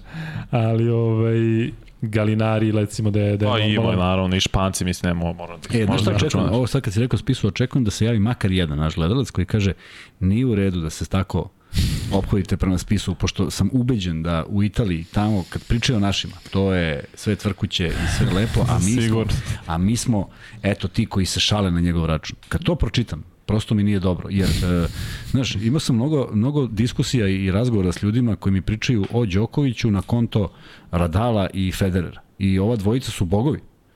I ja sam uvek u zabezeku i smatram da su... Koja dvojica? Bo, Nadal i Federer. A ovaj uvek ima neki problem. Naši ljudi. Naši ljudi. da, ima toga. Da, i onda sam uvek, a pritom smatram vrlo inteligentni ljudi koje volim. I onda mi nešto nije u redu. I promenim temu samo da, znaš, E, Kuzmo, ćemo još pitanje? nećem. Moramo. Imamo još Ako jedan moramo, onda šta me pitaš? E, Rudi stigao ga sola po broju medalja za Španiju, 11 komada, malo je za petorku šampionata. I neko je rekao da Skariolo sutra može da pretekne Ivkovića, a tome Mića priča danas u studiju. Ivković ima, Kuzma, podsjeti mi, e, 8, 9, 9, 1 i 9, 5, je li tako? Duda, evropska prvenstva. 89, Da. 91, Gde se sećam, rekao sam ti ne sećam se toga uopšte. gde si bio 91? Ma tu sam bio, nego se ne sećam. Jesi bio tu? Ne znam ko je bio trener. Nije bio sam. Kipar. Nije, 92. je bio Kipar. Pa vidiš da se sećaš. E, Luka, isto vreme na sport klubu i na podcastu. Da, ovo je pitanje ko zna od kad, na ovom sport klubu gotovo pre pola sata. Kuzma je opčinjen ponitkom. Non stop priča o njemu u svakom podcastu, kad god upalimo, on priča o njemu.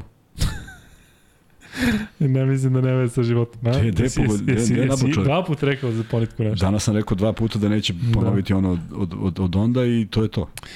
Nevezano je za MVP, ali malo se priča o igri Terija Trpija, za koga ja lično nisam čuo pre, pa uništio je ponitku i bit će zanimljivo koga, koga će da čuva sutra. Bravo. Terry Trpi, pritom ono kad se imaju dva sjajna zakucavanja, juče jedno u kontri gde se lepo dođe. Si vidio Vanja?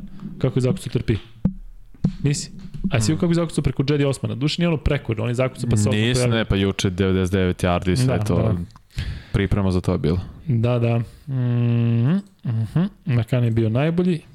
Dobro. Jel ku ču, čuo ko za ponitku pre evropskog prvenstva? E, Naravno da smo baš, čuli da smo čuli. E, Kuzma, o, o, sad ćemo da imamo da li Okrem objasnio ovo što je bilo na, na Nova RS, pošto čitam poruke od pre 46 sati. Mhm, mhm, mhm. Da, ku, prozori, FIBA prozori su doneli finale Špancima. 7 od 12 igrača igraju, kuć slušaš, Ču Kuzma? Slušam, aha. 7 od 12 igrača igraju FIBA prozoru od 2019. a možda i ranije, nisam siguran. Da, jeste. Sa Kinom Kolomom kao plejem. Zaista svi ovi Diaz, Lopez Arostegi, Pradilja, Para, svi su oni igrali. Je se slaže da, da ta uigranost Španaca o kojoj ne govorimo, uigranost Španaca zašto su oni imali otprilike ovu ekipu iz Kariola kao trenera povremeno i ove igrače u FIBinim prozorima. Jeste. Da, da. Pa Jeste njihova, pa zato što im je liga jaka i zato što imaju ozbiljan broj domaćih igrača, naravno da im je lakše. Tako je. Nisu to igrači koji su na prvenstvu, ali su igrači koji takako znaju da igraju. Pa da se, da se negde razumemo i mi u određenim prozorima smo imali ozbiljno dobre timove, nije bilo sporno.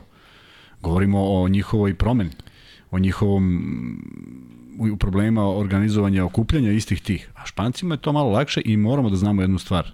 Španija je okrenuta FIBI, njihov savez je okrenut FIBI, oni imaju odlične odnose. Kako su okrenuti FIBI kad je Bartomeu bio na čelu Euroligi i tamo imao firmu u firmu? Vidi Barbajoza kome je okrenut. Ko? Garbahos. Jesi slučajno neko ili namerno? Naravno. Barbajoza. Si ga čuo? Je to tvoj ili su ga zvali tako? Ne? Ja ga tako zovem. Pošto se znam. Kad ga nazovem, ja ga tako zovem. Zovi ga sad. Kaži Kuzmi da Nova RS da, da, da, da, to ćemo da okreme, čekamo objašnjenje za to. Mišljenje o pojačanju Partizana za sada. Meni iskreno nešto fali na poziciji playa, ali dajte. E, Kuzma mišljenje o pojačanju Partizana do sada.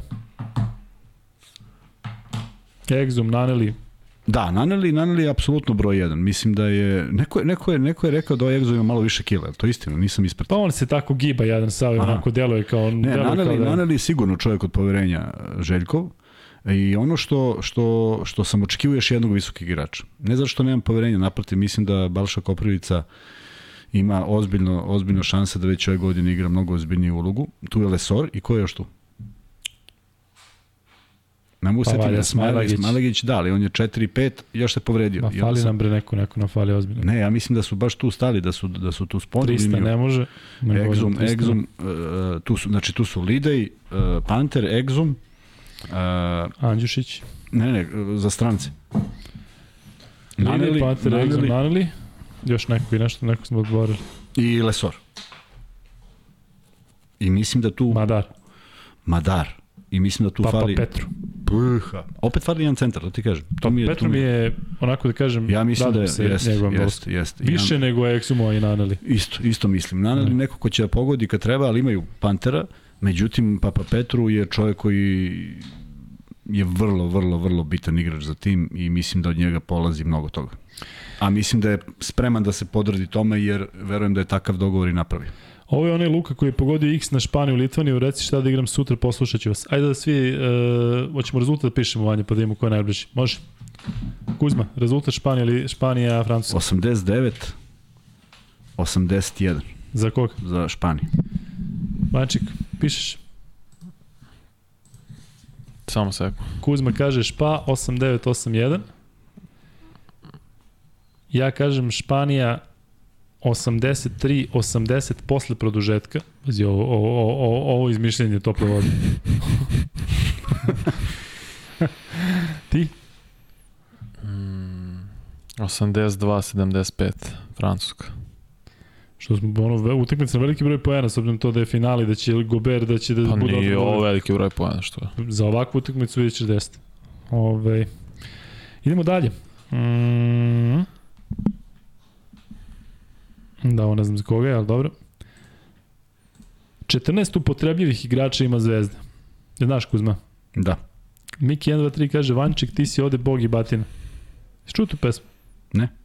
Za tebe znam da nisi. Jesi čuo ti, Vanček? Nisam. Ovo je neka sad ultra popularna, bog i batina. Ne slušam ja naš.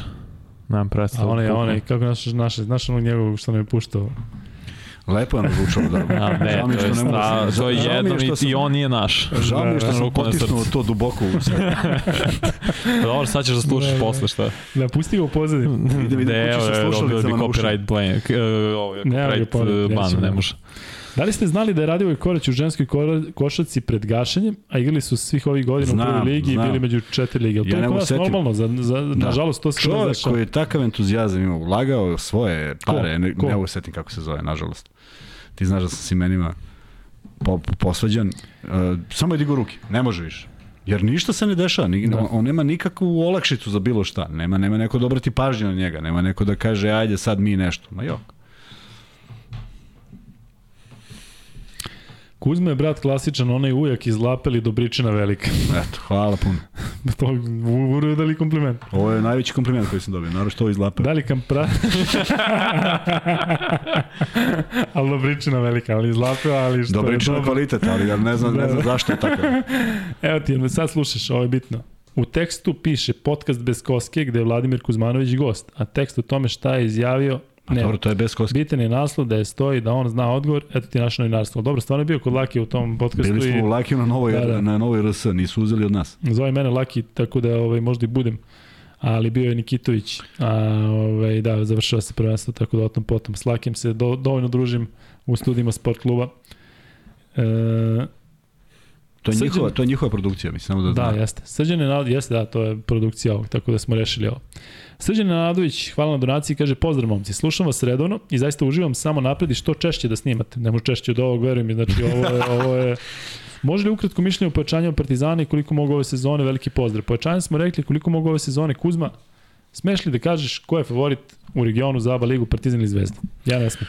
Zato što, zato što je teško reći. Teško zato što reći. ne da se i, izjasni. da, i, i šta znači izjasniti se? Evo, izjasnili smo se koga očekujemo u finalu, pa se nije desilo. Dakle, tu Mm, mora da. da se složi mnogo kockica. Mnogo je novih igrača i u Zvezdi i u Partizanu, ali to su definitivno dva kluba koja ne samo zato što su pa neko kaže potrošilo se mnogo novca, ne samo da, zbog toga, nego zbog činjenice da je ABA liga proširena i da će jedan sastav CDVite koji je prilično kvalitetan, ako ne bude imao tu širinu sastava, morati da trpi. trpeće fizički, ne mogu da igraju na tom nivou zato što je preglomazna veliki broj utakmica. S druge strane, bit će malo lakše jer imaju manji broj uh, evro, evro, utakmica u Evrokupu ali će ovde biti jedna ozbiljna snaga igrača i u jednom i u drugom timu, gde su se oni sada već izdvojili. Mm, Da li je moguće napraviti iznenađenje?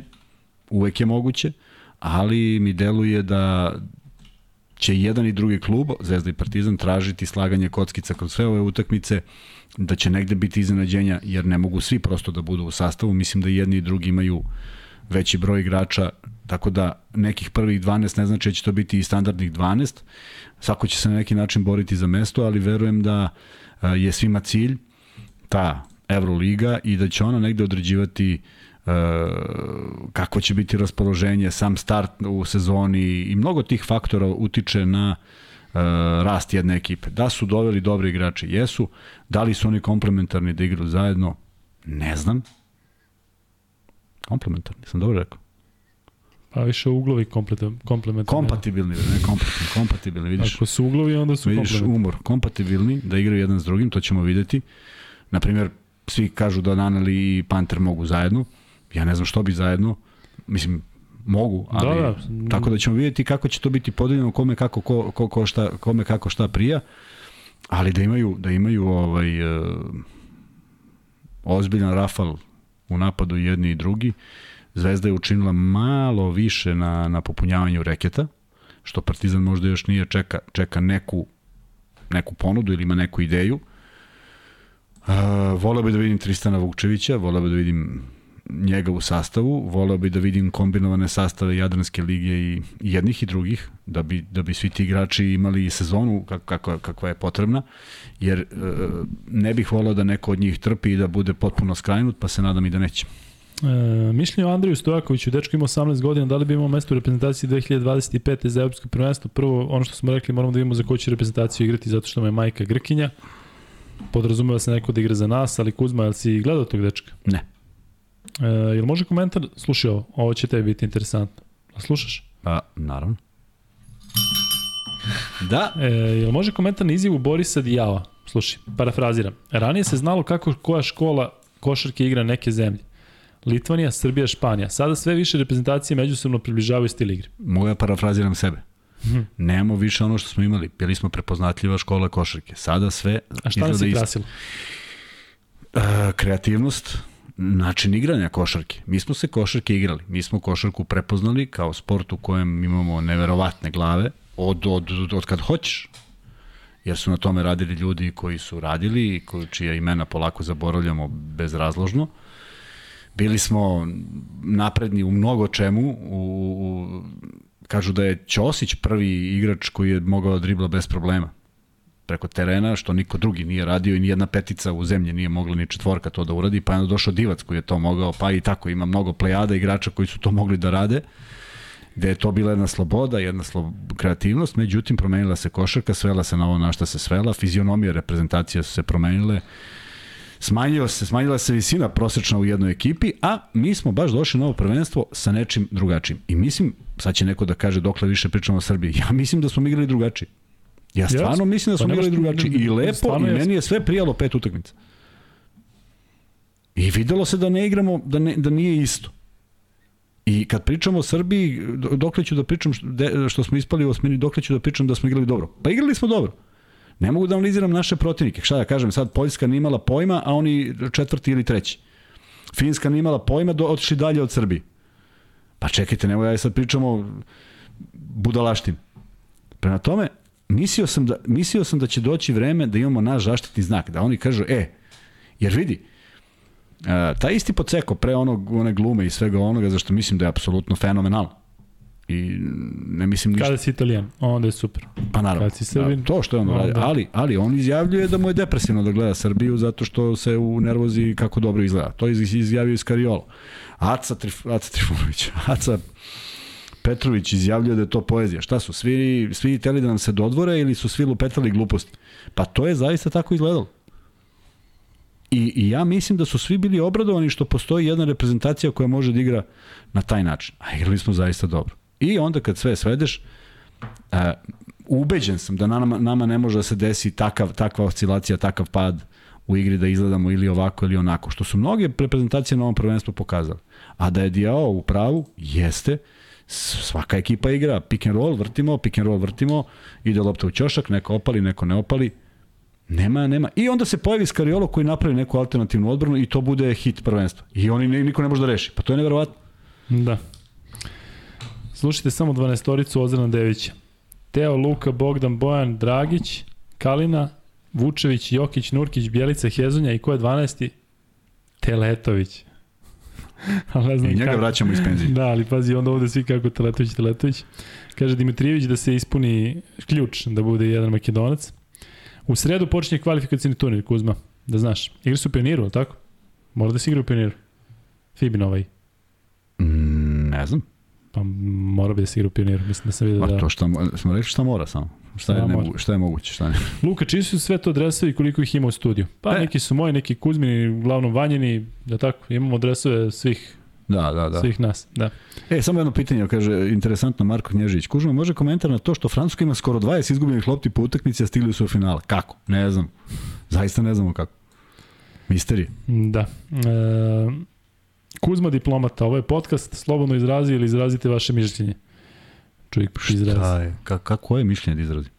Pa onako kao malo da bude Kaži mi, kaži, mes. nek napiše taj koje mišljenje želi da izrazim i ja ću da se onda mi složimo, nas Ne, ne, dvojica. se. Ne, da se složimo, pošto ovo je moje mišljenje, nemam, nemam drugo mišljenje.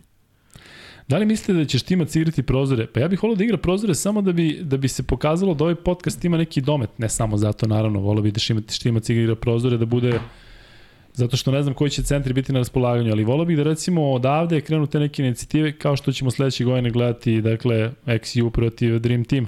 To sam već odlučio i nemoj I da to je gotovo, to sam završeno je Sad to. dok si ti pričao, Samo da vam javimo kada dok tačno. si, dok si imao ovaj poslednji monolog dugi, tu sam To ovaj, je sve sam, flava. da, E, da, ali vidi, ako se to isplanira, samo da najavimo ljudima da isplaniraju godišnje odmore. Tako je. I da ti kažem jednu vrlo bitnu stvar. Ajde. Još 72 pratioca do 7000.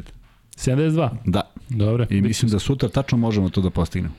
Pazi, mora jedan, slušaj ovo, Ivica Milošević kaže, mora jedan makedonac, Vanja zaboravio si luku. dobro, dobro. E, Musa, dobro, Vasa. Usa Vasa. Ja. Šta je Lu- Lučić uradio ove godine? Da, Lučiću deluje zaista da nešto nije odgovaralo na ovom turniru. Ne znam, ne verujem da je to da si kao bi bio optereć, da je bilo opterećenje zato što je kapiten, ali To vidiš, Jasno. to na primjer ne spada u mišljenje, to bi spadalo u neku konstataciju, a mi to ne znamo. Da, da. li mislimo, ne, ne znam. Moguće, a možda i nije. Ko je, ko je selektor reprezentacije Sjedinjenih američkih država? Popović i još ovaj ceo ciklus. Pa šta je s tom organizmom? Preko Darka Rakovića organizujemo to. Ne, ne zajebavam se. Zovi Darka. Pa sad ću da mu pustim poruku. Ali ozbiljno sam. A pustimo odmah. Ali Zove ga kod. Darka Rakovića organizujemo da Greg Popović on mu predloži. I Greg Popović koji je sa ovih prostora će sigurno da prihvati. I onda ne može da kaže, ne znam, e, tvoj Jimmy Butler kaže, e, baš neću da igram. Da. Ne, nego prijateljska utakmica da se kidam. A onda moramo da, onda mora ovaj teži zadatak zoveš saveze i kažeš da li lako, da igra. to lako završi. Hm? To lako. koga? To, Koja, koja osoba? Ma samo da okreneš. Treba mu kažemo, greže, slušaj nas. Treba da organizujemo jednu utakmicu. Čovjek, pap, ali moramo da naglasimo ime. Znači pap. I Pa gotovo. ne, prvo mora bude gost u podcastu, prvo to. Greg, a? Pa da. Da. Da, da. Radi na tome. Svoje, potegni svoje alabamske veze da... da uradimo nešto po tom pitanju. Alabamski, ovaj se u Alabami peti u životu bi. I ko rešava posljednji napad za pobedu u toj ekipi? Luka i Svi, Luka svi, i svi Jokić dobiju igraju po dva. Ne, Tako. Bogdan rešava. Akcija za Bogdan, nema. I šta, Luka i Jokić si sklon? Bogdan rešava. A, To ti je najbolji šuter. Sam misli, a ko je, Vanja, evo ti sad, ko je petorka? Petorka. Luka, Bogdan, Bogdan, Jokić Bojan na tri. pet. Da nije mnogo Bojano, a? Ne, pa što bi bilo? Ide Ubijević na četiri. Dubljević. Da.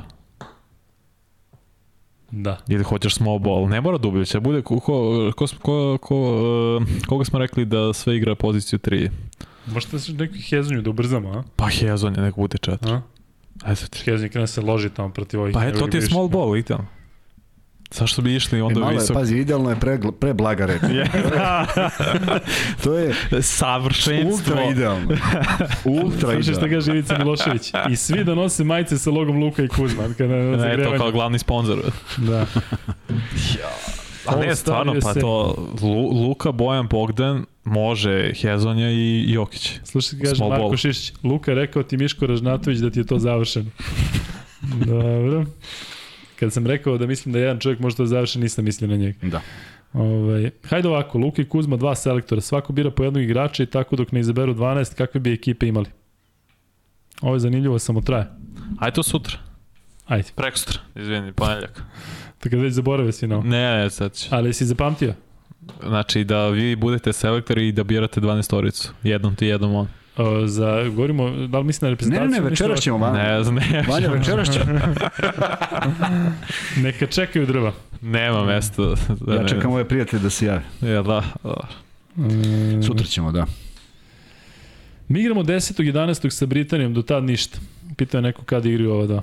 Tad igra i CSKA iz Moskve, VTB ligu. Da smanjimo odmah ono, onaj euforiju oko dolaska momaka iz CSKA. Doduše ne treba nam za Britaniju, ali da smanjimo euforiju. E, Luka, imali ste donaciju od Srđana Nadovića koju ste iskulirali. Ne znam kako sam iskulirao. Nisam video. Ili je to bila ova donacija za koju sam rekao. Imali smo jedno koliko sam ja vidio. Nemam kuliranje, nego ka- kasni mnogo. Vidite da, da čitam, pokušam da pročitam šta ste sve rekli. Pa ovaj, ne stižem. Da, možete i, e, imate tri varijante kako možete nas podržiti. Dakle, budete sad ovde, ono, kako to već ide, nešto se pritisne neki taj donacija, onda možete budete patroni. Kako nam ide to s patronom? Koliko imamo patrona Kuzma? Koliko, će, koliko ćemo u onoj knjizi da imamo ljudi koji su nas podržali? Će biti jedno 150 ljudi. Ne ima kako hoćeš. To će Da, samo, samo čast. imena. Biće Da, kao da. telefonski imenik. U stvari, to će biti knjiga. Knjiga Patroni Luke i Kuzma. E, e, kaže Luka, da li bi Milutinov bio taj igrač koji bi sklopio puzlu u Partizanu? Verovatno bi, ali bih volao da recimo vidim još jednog igrača poput Nanelija koji je ranije sarađivao sa Željkom Obradovićem na stranu, to što su mediji povezivali sve koji su ikada bili u Fenerbahču ili ne znam gde sa Željkom, pa su ih vraćali, ali nekako mi fali neki veseli. Taj veseli ili recimo Lučić, što nema veze sa Obradovićem, ali fali mi taj neki tip. Ili Veseli je otišao u Barcelonu, a? Mislim da je to kao gotova stvar, gotova stvar nigde nije bilo zvanično, nema veze. Ali tako neki tip, recimo Lovernj, daje onaj pravi stari Lovernj. Neko ko je bio u Partizanu, još ko je sarađivao sa Željkom, mislim da bi bio pun pogodak da nekako ceo ovaj tim ceo ovaj tim uklopi. Recimo neki Slukas, kada bi Slukasa mogli da dovedemo, to je bilo fenomenalno, što se naravno nikad neće desiti. Uh, imamo 31 patrona. 31. Aha, Sjajno. jeste. Uh, Podcast za Lukom i Kruzom, najjači ste, morate posle EPA da pozovete ponovo Šarnog da pričate opet 5 sati i više, samo nastavite, bla, bla, bla. Hvala ti puno, hoćemo, ali... Ja napisao e, bla bla bla. e, ne, nego napisao tu, ima puno pozdrava što mnogo cenimo i ja se nekad javim u lav. Uh, ali, što se tiče Šarnog, zaista imamo ideju, ali bi akcent vjerojatno bio na tome da priča šta je bilo na prvenstvu, tako? Pa da, bolje nego da, Da. se podsjećamo svega što smo se već podsjećali. Mi o Gordonu Petriću da pričam. da. Da nam pokaže tehniku Partizanski šuta put, Gordana partizanski put. Petrića. Luka, daj neko igrača da igram za sutra plus, kao što si rekao za ponitku da igra minus. E, ne znam da si to rekao, ali... To sam ja rekao. Da, to je Kuzma rekao. Da, neko, rekao nam je, ne mogu se da pronađem, rekao nam je momak koga, koga smo nešto X, oni što ti posle X da se, da se, da se igrao. Znaš da ti što ti posle Da. tek, je to I ja ga pogodio? poslušao. Nije, pa kako pogledaju X, kad nije bio X.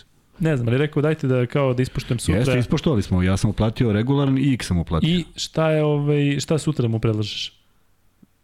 Španiju. Ja ti predlažem da igraš Španiju, Francusku, prva, prvo, prva četvrtina plus. 1-2 odigraj. Zato što mislim, zato što mislim da će Boje Kidanj u prvoj A četvrtini. pokri se X. E, pokri se, a to je neki kladioničarski. Da, da, to je kladionički. Ako baš bude X da dobiješ više para. Slušaj ovog. Ajde. Vanja Mastermind, od koga sve počinje i sa kim se sve završava, a Luka i Kuzma su ona dva Muppet show starca sa balkona Hvala. koji samo nešto, a, Ti smo, i ništa im nije po volji. ti smo. Da, Stig, naš, naš, Vanja je naš stig. da.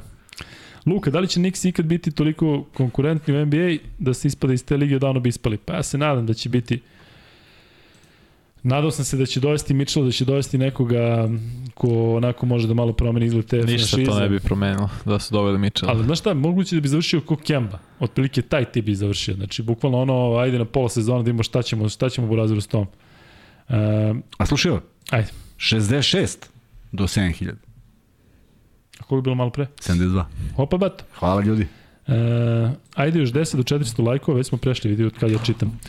E, smišli Kuzmu među vremenu i smišljite posljednji free bet. I Partizan Zvezda imaju po 14 igrača, dobro. E, kako vam se čini ovaj format taba ligi sa 8 učesnika u play-offu? Rekli Meni je smo, drago, da, meni je drago meni što će to da bude, ali samo pojačava, povećava broj utakmica. U Kuzma- momentu kada počinje play-off Euroligi. E, Da li može Mali Topić u 12 u Zvezdi? Ne, može, otišao je, potpisao za Slodes, igraće tamo. Da li će možda da igra polusezonu? Na, pa će možda, ne, možda. Ja mislim da će on biti odličan. Kuzma smešli u arenu kad Partizan bude domaćin. Ja ne znam zašto ne. Tako je. Idemo, ja i Kuzma idemo e, zajedno ako, i na ako, Partizan. ako je do mene. Tako je. Učinit ću sve da se svi ostaje bezbedni. Gledajući vaš podcast, istrenirao sam Bešiku. Sad bih mogao da izdržim i sednicu u poslaničkoj klupi. Petar Bulatović je predsednik i glavni finansijer kluba ŽK Radivoj Korać. Eto. Radio sam tamo kao trener i stvarno od atmosfere do ljudi koji je bilo jedan Eto. problem kao i uvijek je bio novac samo Tako za je. Srbiju. I niko to nije prepoznao. Tako je. E? Pozdrav momci najčiste, da pozovete Šarnog, dobro. E, Luka, jel si grobar, da li prenosiš Partizan? Vidjet ćemo. E, vidjet ćemo, da. Moguće. Da li je naše vreme prošlo kada si napustio Bora, da li bi bez njegovog uticaja dobili Litvaniju 95. Argentinu 2002. Ja verujem da bi da nije to baš tako kao što se priča da smo pogurani, mada jeste bilo ono u finalu malo suđenje čudno. E, da li je simptomatično to što tri bitne utakmice u proteklih par godina gubimo na isti način? Protivnik nas bije, hvata nas na frku, a mi nemamo smirnost i rešenja da iz Da, te situacije da, izađemo. To misle naravno dve Italije na Argentinu, tako? Mm, da. Da, jeste, baš je slično. Aha. Unsubscribe do 6000. E, neće Žoc dovoditi klasičnog playa, isto je radio zadnje dve sezone u Feneru, samo point first tipovi bekova. Luka Brajković je potpisao za Breogan i pošto mi je brat, priča mi je da bi on voleo da igra za Srbiju, ali nikoga još nije zvao. Jesi čuo za Luku Brajković? Nisam, nažalost. E, gledat ćemo to da ispremimo, da čujemo. Ali gledao sam, Rio Breogan sada dolazi novi FIBIN turnir. Što znači da ćemo gledati. I znaš ko igra za, za Rio Breogan? Igra onaj, Ne pokušaj. Nemoj uopšte. nije but. Colin. Onako crni, mali, polucrni. Ovo će bude katastrofa. Kažem, nemoj. Dvojka. Mm, da. Aha, Smo, iz, smo ispucali treći free bet? nismo. Ajde, ispucajte čoveč. Slušaj, ako može predlog za reprezentaciju Austro-Ugrske ili Mesopotamije. Austro-Ugrske može, imali bi Da. dobro. Mm. Kakav format planirate nakon evropskog prvenstva, koliko ćete moći redovno kada krenu ABA i Euroliga? Moj predlog je jednom nedeljno, dva puta maks proverena doza. Sigurno nećemo jednom nedeljno igrati, ići ćemo verovatno dva puta nedeljno. I ponedjeljak će nam biti standardni termin, s tim što još uvijek ne znamo zbog Euroligi kako će nam biti ono, e, taj drugi. Četvrtak je slobodan u smislu da u četvrtak nema, je tako vanje nema, Da. ovo je četvrtak je slobodan, možemo imamo u ovom terminu, međutim četvrtak je nezgodan zato što ćemo raditi sigurno Euroligu i pitanje je kada igraju Zvezda i Partizan. Idealno bi recimo bilo, prema mom mišljenju, Kuzma, ti i ja i ovom smo pričali, ali šta misliš recimo da ponedljak ostane kao ponedljak, a da ubacimo petak kasni termin. Da, pet, e, to je jedino realno, iz prostog razloga što ponedljak hoćemo sve, e, sve što se desilo za vikend, Da. pa uključujući Euroligu, ali je kasno... I najavljujemo, Tako je. I najavljuješ uh, već utorak kako je duplo kolo. najavljujemo, tako je. A, a da bi bili aktuelni, onda moramo apsolutno odmah posle završetka te neke utakmice u petak. A gde ćemo goste? Gde ćeš gosta da guš? Pa možemo ponedjeljkom. Nećemo sad da najavljujemo ne znam šta, Da, pričat ali ćemo ako o dođe neko ko je totalno NBA liga ili ne znam šta, sad ćemo mi da pričamo da... Nema takvih. Nema više A, NBA lige. Ispucao si sve. Vanja, e, vaš ovaj 99 yardi je standardni termin u 9. Mhm. I do kad traje bez bilo kakvih ono da imate posle? Ko je prosek? Sad kad je sezona, Da. ponoć, pola jedan. Da se odluči nekad i do 1. Mm, Nekada, nadam se da neće biti nekada da. Da. A vi to ne možete da vraćate na 8, ne možete. Zavisi od drugih, nije sad Da. to do mene. To moramo da se dogovorimo. Kapira. Da. E, Ajde, pucaj posljednji free E, hoćeš ti ili ja? Ti. Ok. Koliko ovdje ima dobrih pitanja? Kada je Poljska poslednji put uzela medalju na evropskom? Pa nisi to pitao već? Nis. Pa onda dobro. Ne mislim danas, nego pre neki dan. Nis, nis. Kada je Poljska posljednji put uzela medalju na europskom, to su stavanje na Google Istorijska pitanja. pitanja. E, slušaj, ovo, predlog za repku Persije, Hamed Hadadi, kapiten. Tako je, on je sad kod Milenka Topića u... Kako se zove onaj grad? Si čuvan? Nije grad, to je oblast, a onaj grad je. A ne, kako je ono izgovorio? Tendon. E, Tendon. Izgovorio ga pravedno. onaj, a što tako uređaš čoveka? Nije onaj, nego je... ne, onaj gospodin. To sam, zaustavio sam se. Znaš, kaže Marko Topalović, Luka, rekao si kad bi mogli da dovedemo veselog, znači Luka Grobar. E, Luka, koje je tvoje mišljenje u Gosu? Mislim da treba da prestanemo da pričamo da dolazi u Partizan. Eto, to je moje mišljenje. Jako ga poštujem kao igrača, je bio u nekom drugom vremenu i možda bi mogao da doprinese, ali ne znam što ste se zakucali za Gosa. Dakle, Gos, Gos, Gos, Gos, Gos, dakle on ako dođe, daj Bože da onda napravi razliku, ali nisam siguran da bi mogao. E, Evo, Petar Mitić odgovori. Petar Mitić. Petre, odgovorio tačno, tako vanje, ne Da, da, da, da. 1967. 67. Da. Ukulele. Petre, šalješ uh, MaxBet ID na uh, Luka i Kuzma Instagram, tako da to je to. Uh, ponedljak gosti, petak idala nakon Euroligi.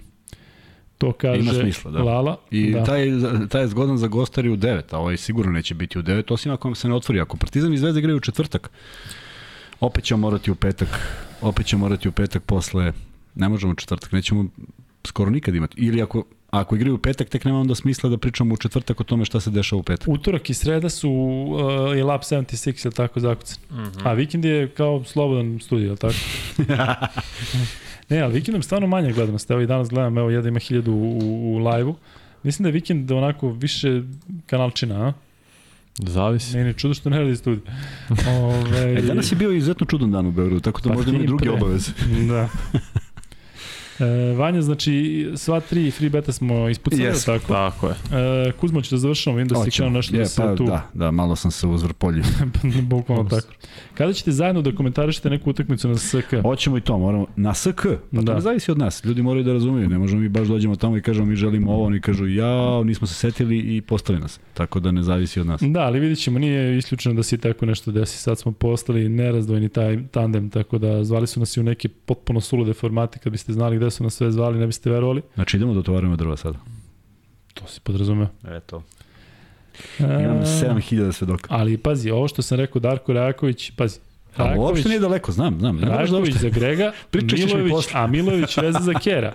Da, da. Tako. I samo treba mi da se organizujemo na Ma lokalu. samo da kažemo mi ideju. Bre. A Cuban, hoćeš Cuban da bude sponsor? Hoću, hoću majke. mi. Vanja, bi Cuban pristao? Znaš kako bi mi da prijelo? bi pristao kad je čovjek gospodin, znači tamo podržao neke akcije, bio onim Da. nekim onim Samo da mu objasnimo ovo. Šta? Moramo sutra da imamo zaštitimo ovu ideju. Da, hoće Ja nam se ne šalim. sutra. Ja se ne šalim. Kako to može se zaštiti? Ovde mi da patentiram da ću Tako da... je. A? Vanja, koliko je realno da se ovo desi? Od Ja 1 do 100, Da, 6%, a? pa 1,35%. Tako je, bre, idemo. Bre. Pazi, imamo domet do Amerikanaca. Ali sutra već može bude 36, to je ta, A? to je ta, to je taj entuzijazam. Kuzme, treba da izdržimo 6 minuta. Da, Zašto znaš, treba? zato što ćemo da idemo preko 3 sata. Neko mi se Ne, još kad idemo na 4 tri. minuta do ponoći. A da, ali nismo Da, ali on krenuli u hoće, 9. on hoće do... Ko će nam se računati 3 sata, hoće pisati Koliko da ima, 3 Vanja? sata. Pa ima još 5 minuta. 5, A, 5 e, minuta i onda 4 ćemo još sekunde. pet da Ajde, bude. da onda najavimo, odnosno da, da pozovemo ljude da rade šta sve. Može sad ti, ti uzbr, uzvrpljen tako. Da. Fali nam do 7000 još malo. Jeste, do, do 7000 Subscribe. fali još malo. Ovaj, uh, hvala vam na velikom broju lajkova i nastavite u tom Otkud ritmu. znaš da je veliki broj lajkova? Ne, ne, do, do 447. sada, ne, ne, ne, do, ne do sada. Pa sad si rekao da je manja gledanost i potpuno je procentualno u redu, ali ti lajkovi na, na ponovljenom snimku dođu preko Da. da. hiljadu, tako da hvala. Ovaj, jeste to potrebno i jeste to, verujte, YouTube prepoznaje. Želim da vas uputim na prodavnicu i da kažem opet, da ponovim da sam ja ovaj, izabrao ovu majicu. Em ima jednu rupicu ovde pa da ne ide nekome ovaj, kao poklon. A, Da li sam- nećeš moći već da nosiš crnu? Jok, ne mogu. Do kraja 500 podcasta. 500. A, što, treba 500. a hoće Ma, ljudi da te vide u beli? Pa znaš što ljudi vidi, sad da, da, da dođe taj prvi nalet da vidim da se dobro prodaju majice, nema, kažem, svih veličina u ogromnom broju, pa samo zbog toga. Hoćemo da lupimo poslednji pol da vidimo šta ljudi još hoće od merchandise. Ono što smo rekli. Nemoj traći Tako. duže od 6 minuta. Ne može Vanja, to se kuca. Sad je pola. 4 minuta. Šalj, Da. šta biste još želeli od prateće opreme? Ja, da, ali kako se staviš? Šta biste želeli šta od biste želeli? merchandise? Pa da. Taj, ali stavi A baš je srpski, lepa reč. Ima neka, ima neka, neka reč koja to zamenjuje? Pa i vjerojatno ima, ali... Ali ne zna setiti. kako, Od robe. Od robe. Još, još Od gore. robe. Pa to neka koka ima. To, da, to nešto moramo da, zvuči kao da valjamo. preko nešto. granice trčimo. Šta biste još volili od robe sa logom od robe? Uh, sa logom Luka i Kuzma. Dakle, majice imamo, imamo dakle mogućnost e, za jakne, za dukseve, za koje Kuzma koji je išao to da vidi rekao je da su ekstra, da. tako? Fenomenalno ide, da, idu zime i to ćemo imati sigurno. To možemo da imamo E, sigurno. Da. Jakne, duksevi, E, Kačketi stavi. Jakne Kačketi. dukse i kačketi. I da stavimo četvrto e, šolja, pravimo šolje, možemo pravimo šolje. I svuda glasaju za 25% i onda pravimo sve. Da, stavi šolje, da vidimo šta bi ljudi volili. 59 još. 50, još da. 3 minuta, eto. Je, znaš šta je, šta je čovjek rekao? Kondome. Sa Luka i Kuzma. Dobro, dobro. E, koliko koštaju majice? Imate na ovom e, linku koji je Vanja e, postavio, tako da tu možete da vidite i odmah su ovde odgovorili da, to je ta cena. Ali majice su stvarno kvalitetne i stvarno su dobre. Ove na nama su XL, tako da znate da je to ta veličina XL i na meni na Kuzmi XXL je veća i to ovaj, verovatno bi nama bilo onako malo veliko. Imamo i 3XL za malo veće ljude, ja mislim da je ona prva veličina najmanja S, ili tako. Ali mi ne znam da li imamo kroj za ženske majice. Sad hoće neko da kupi Kroj nemamo, ali imamo veličinu. Aha. Kroj nemamo, ne možemo. Mi- Mislim, moramo imamo koja je potražena da Da. bismo imali. A imamo varijantu, ko što ste vi radili za 99 jali, da budu one malo kao uže, tako, neke šmekerice, ne, kao ovde, onaj, tako, ruka Da. što nosi miks. Kuzma, svaka čast na skromnosti. Ovo je neko, Hvala. ovo je, ovo je neko koji sad se Ovo je tek uključio. rođak- rođak neki. Ne, tek sad se uključio, ovaj, prvi put gleda ovo. E, promo materijale, dobro. E, Kuzma, da kažemo još jednom da ćemo probati da sledeće nedelje budemo u Temerinu, 25. u zavisnosti toga da li radimo, da li ne radimo, ali ćemo probati da Probat se proje- svakako. projavimo i da to bude prvi naš odlazak e, zajednički uh, iako smo bili juče, ovaj, ali prvi naš zajednički odlazak Zvanični e, negde. zvaničan van Beograda negde da se pojavimo ovako u tandemu, da osvojimo neki turnir u trojkama, odnosno nešto u štirenju trojki i tako. Priveske, kaže, Helanke. Helanke može, da. To Helanke može? Pa rekao si da ima sve. Pa to ne. Jesi rekao da imaju budići za decu, to je bilo za super. budići za decu imaju. Budići za imaju, decu najbolja fenomenalni su, da. Oni su fenomenalni. Da, tako da budići za decu mi se baš po, uh, po, po, po, po, dopadaju. Ali ajde razmišljamo, dolazi period zima. Od robe samo disko cigare.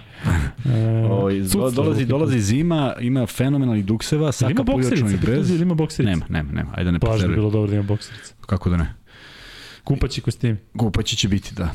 Ovaj, uh, dolazi 55 zima, sekundi. dolazi zima, dolazi, dolazi kiša, dolazi, jakne su fenomenalne, vidjet ćete, napravit ćemo jednu, makar jednu da vidite kako izgleda i uopšte da je objavimo. Ja- A moguće da ima na, na drugom, na drugoj prodavnici? Ne, ne, i oni hoće da rade ma, ovaj, jakne, Srđan i Infinity Lighthouse, tako da mnogo će lepo izgledati. Ima jedan ovaj što proziva, ali mu nije loša poruka, ne znam da da je pročitam, Ajde. zato što ovaj zna, zna sve, ali ali onako je malo Ajde. Nest. Pa ne mogu zato što priča ovdje o vanji, a sprda se, ali, ali dobro je. A, pročitao sam, da. Sviđa, znaš šta se ko greje, sviđa. Da, pazi, meni kao predratni buržuj, e, brazu meni, znaš u kojim sam ja uslovima odrastao, znači ovih štimčevih 18 kvadrata, to je bila premija. Ovaj, e, ne, nije, nije, bio sam u novom stanu, ali bila sam sirotnja 90-ih, dakle, moji roditelji bili pošteni i tako smo i prošli. Ovaj, pošteno smo prošli. E, Ti Luka tačno 3 sata. Ajde sad ćemo duši. da dođe do 200, do 200 ovih uh, vouca i do 500 lajkova. a? Ostanemo još pola čuva. Da, da, samo se uzmemo u to. Grickalice, pelene, to predlažu, naočare. Kuzma, pitaju te koliko su drva. Meni si rekao, smeš da kažeš javno. Molim? Koliko su drva, koliko je kubik drva? 12,5 hiljada. Meni uče rekao 12.000. Pa, to je ako ovaj poruči preko mene, pa da sam dobar 500.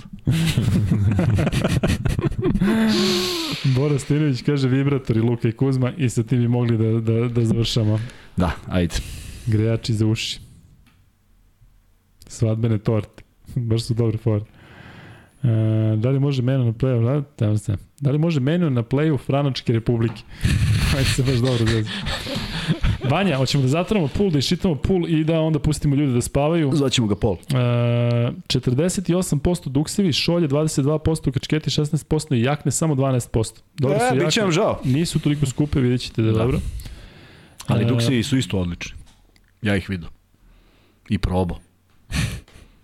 E, možda je bolje od klasičnog Luka i Kuzma da nastavite na merch neke vaše uzrečice i poskočice. Razmišljamo i o tome, o tom potom. Tu ima samo ćemo. jedan problemčić.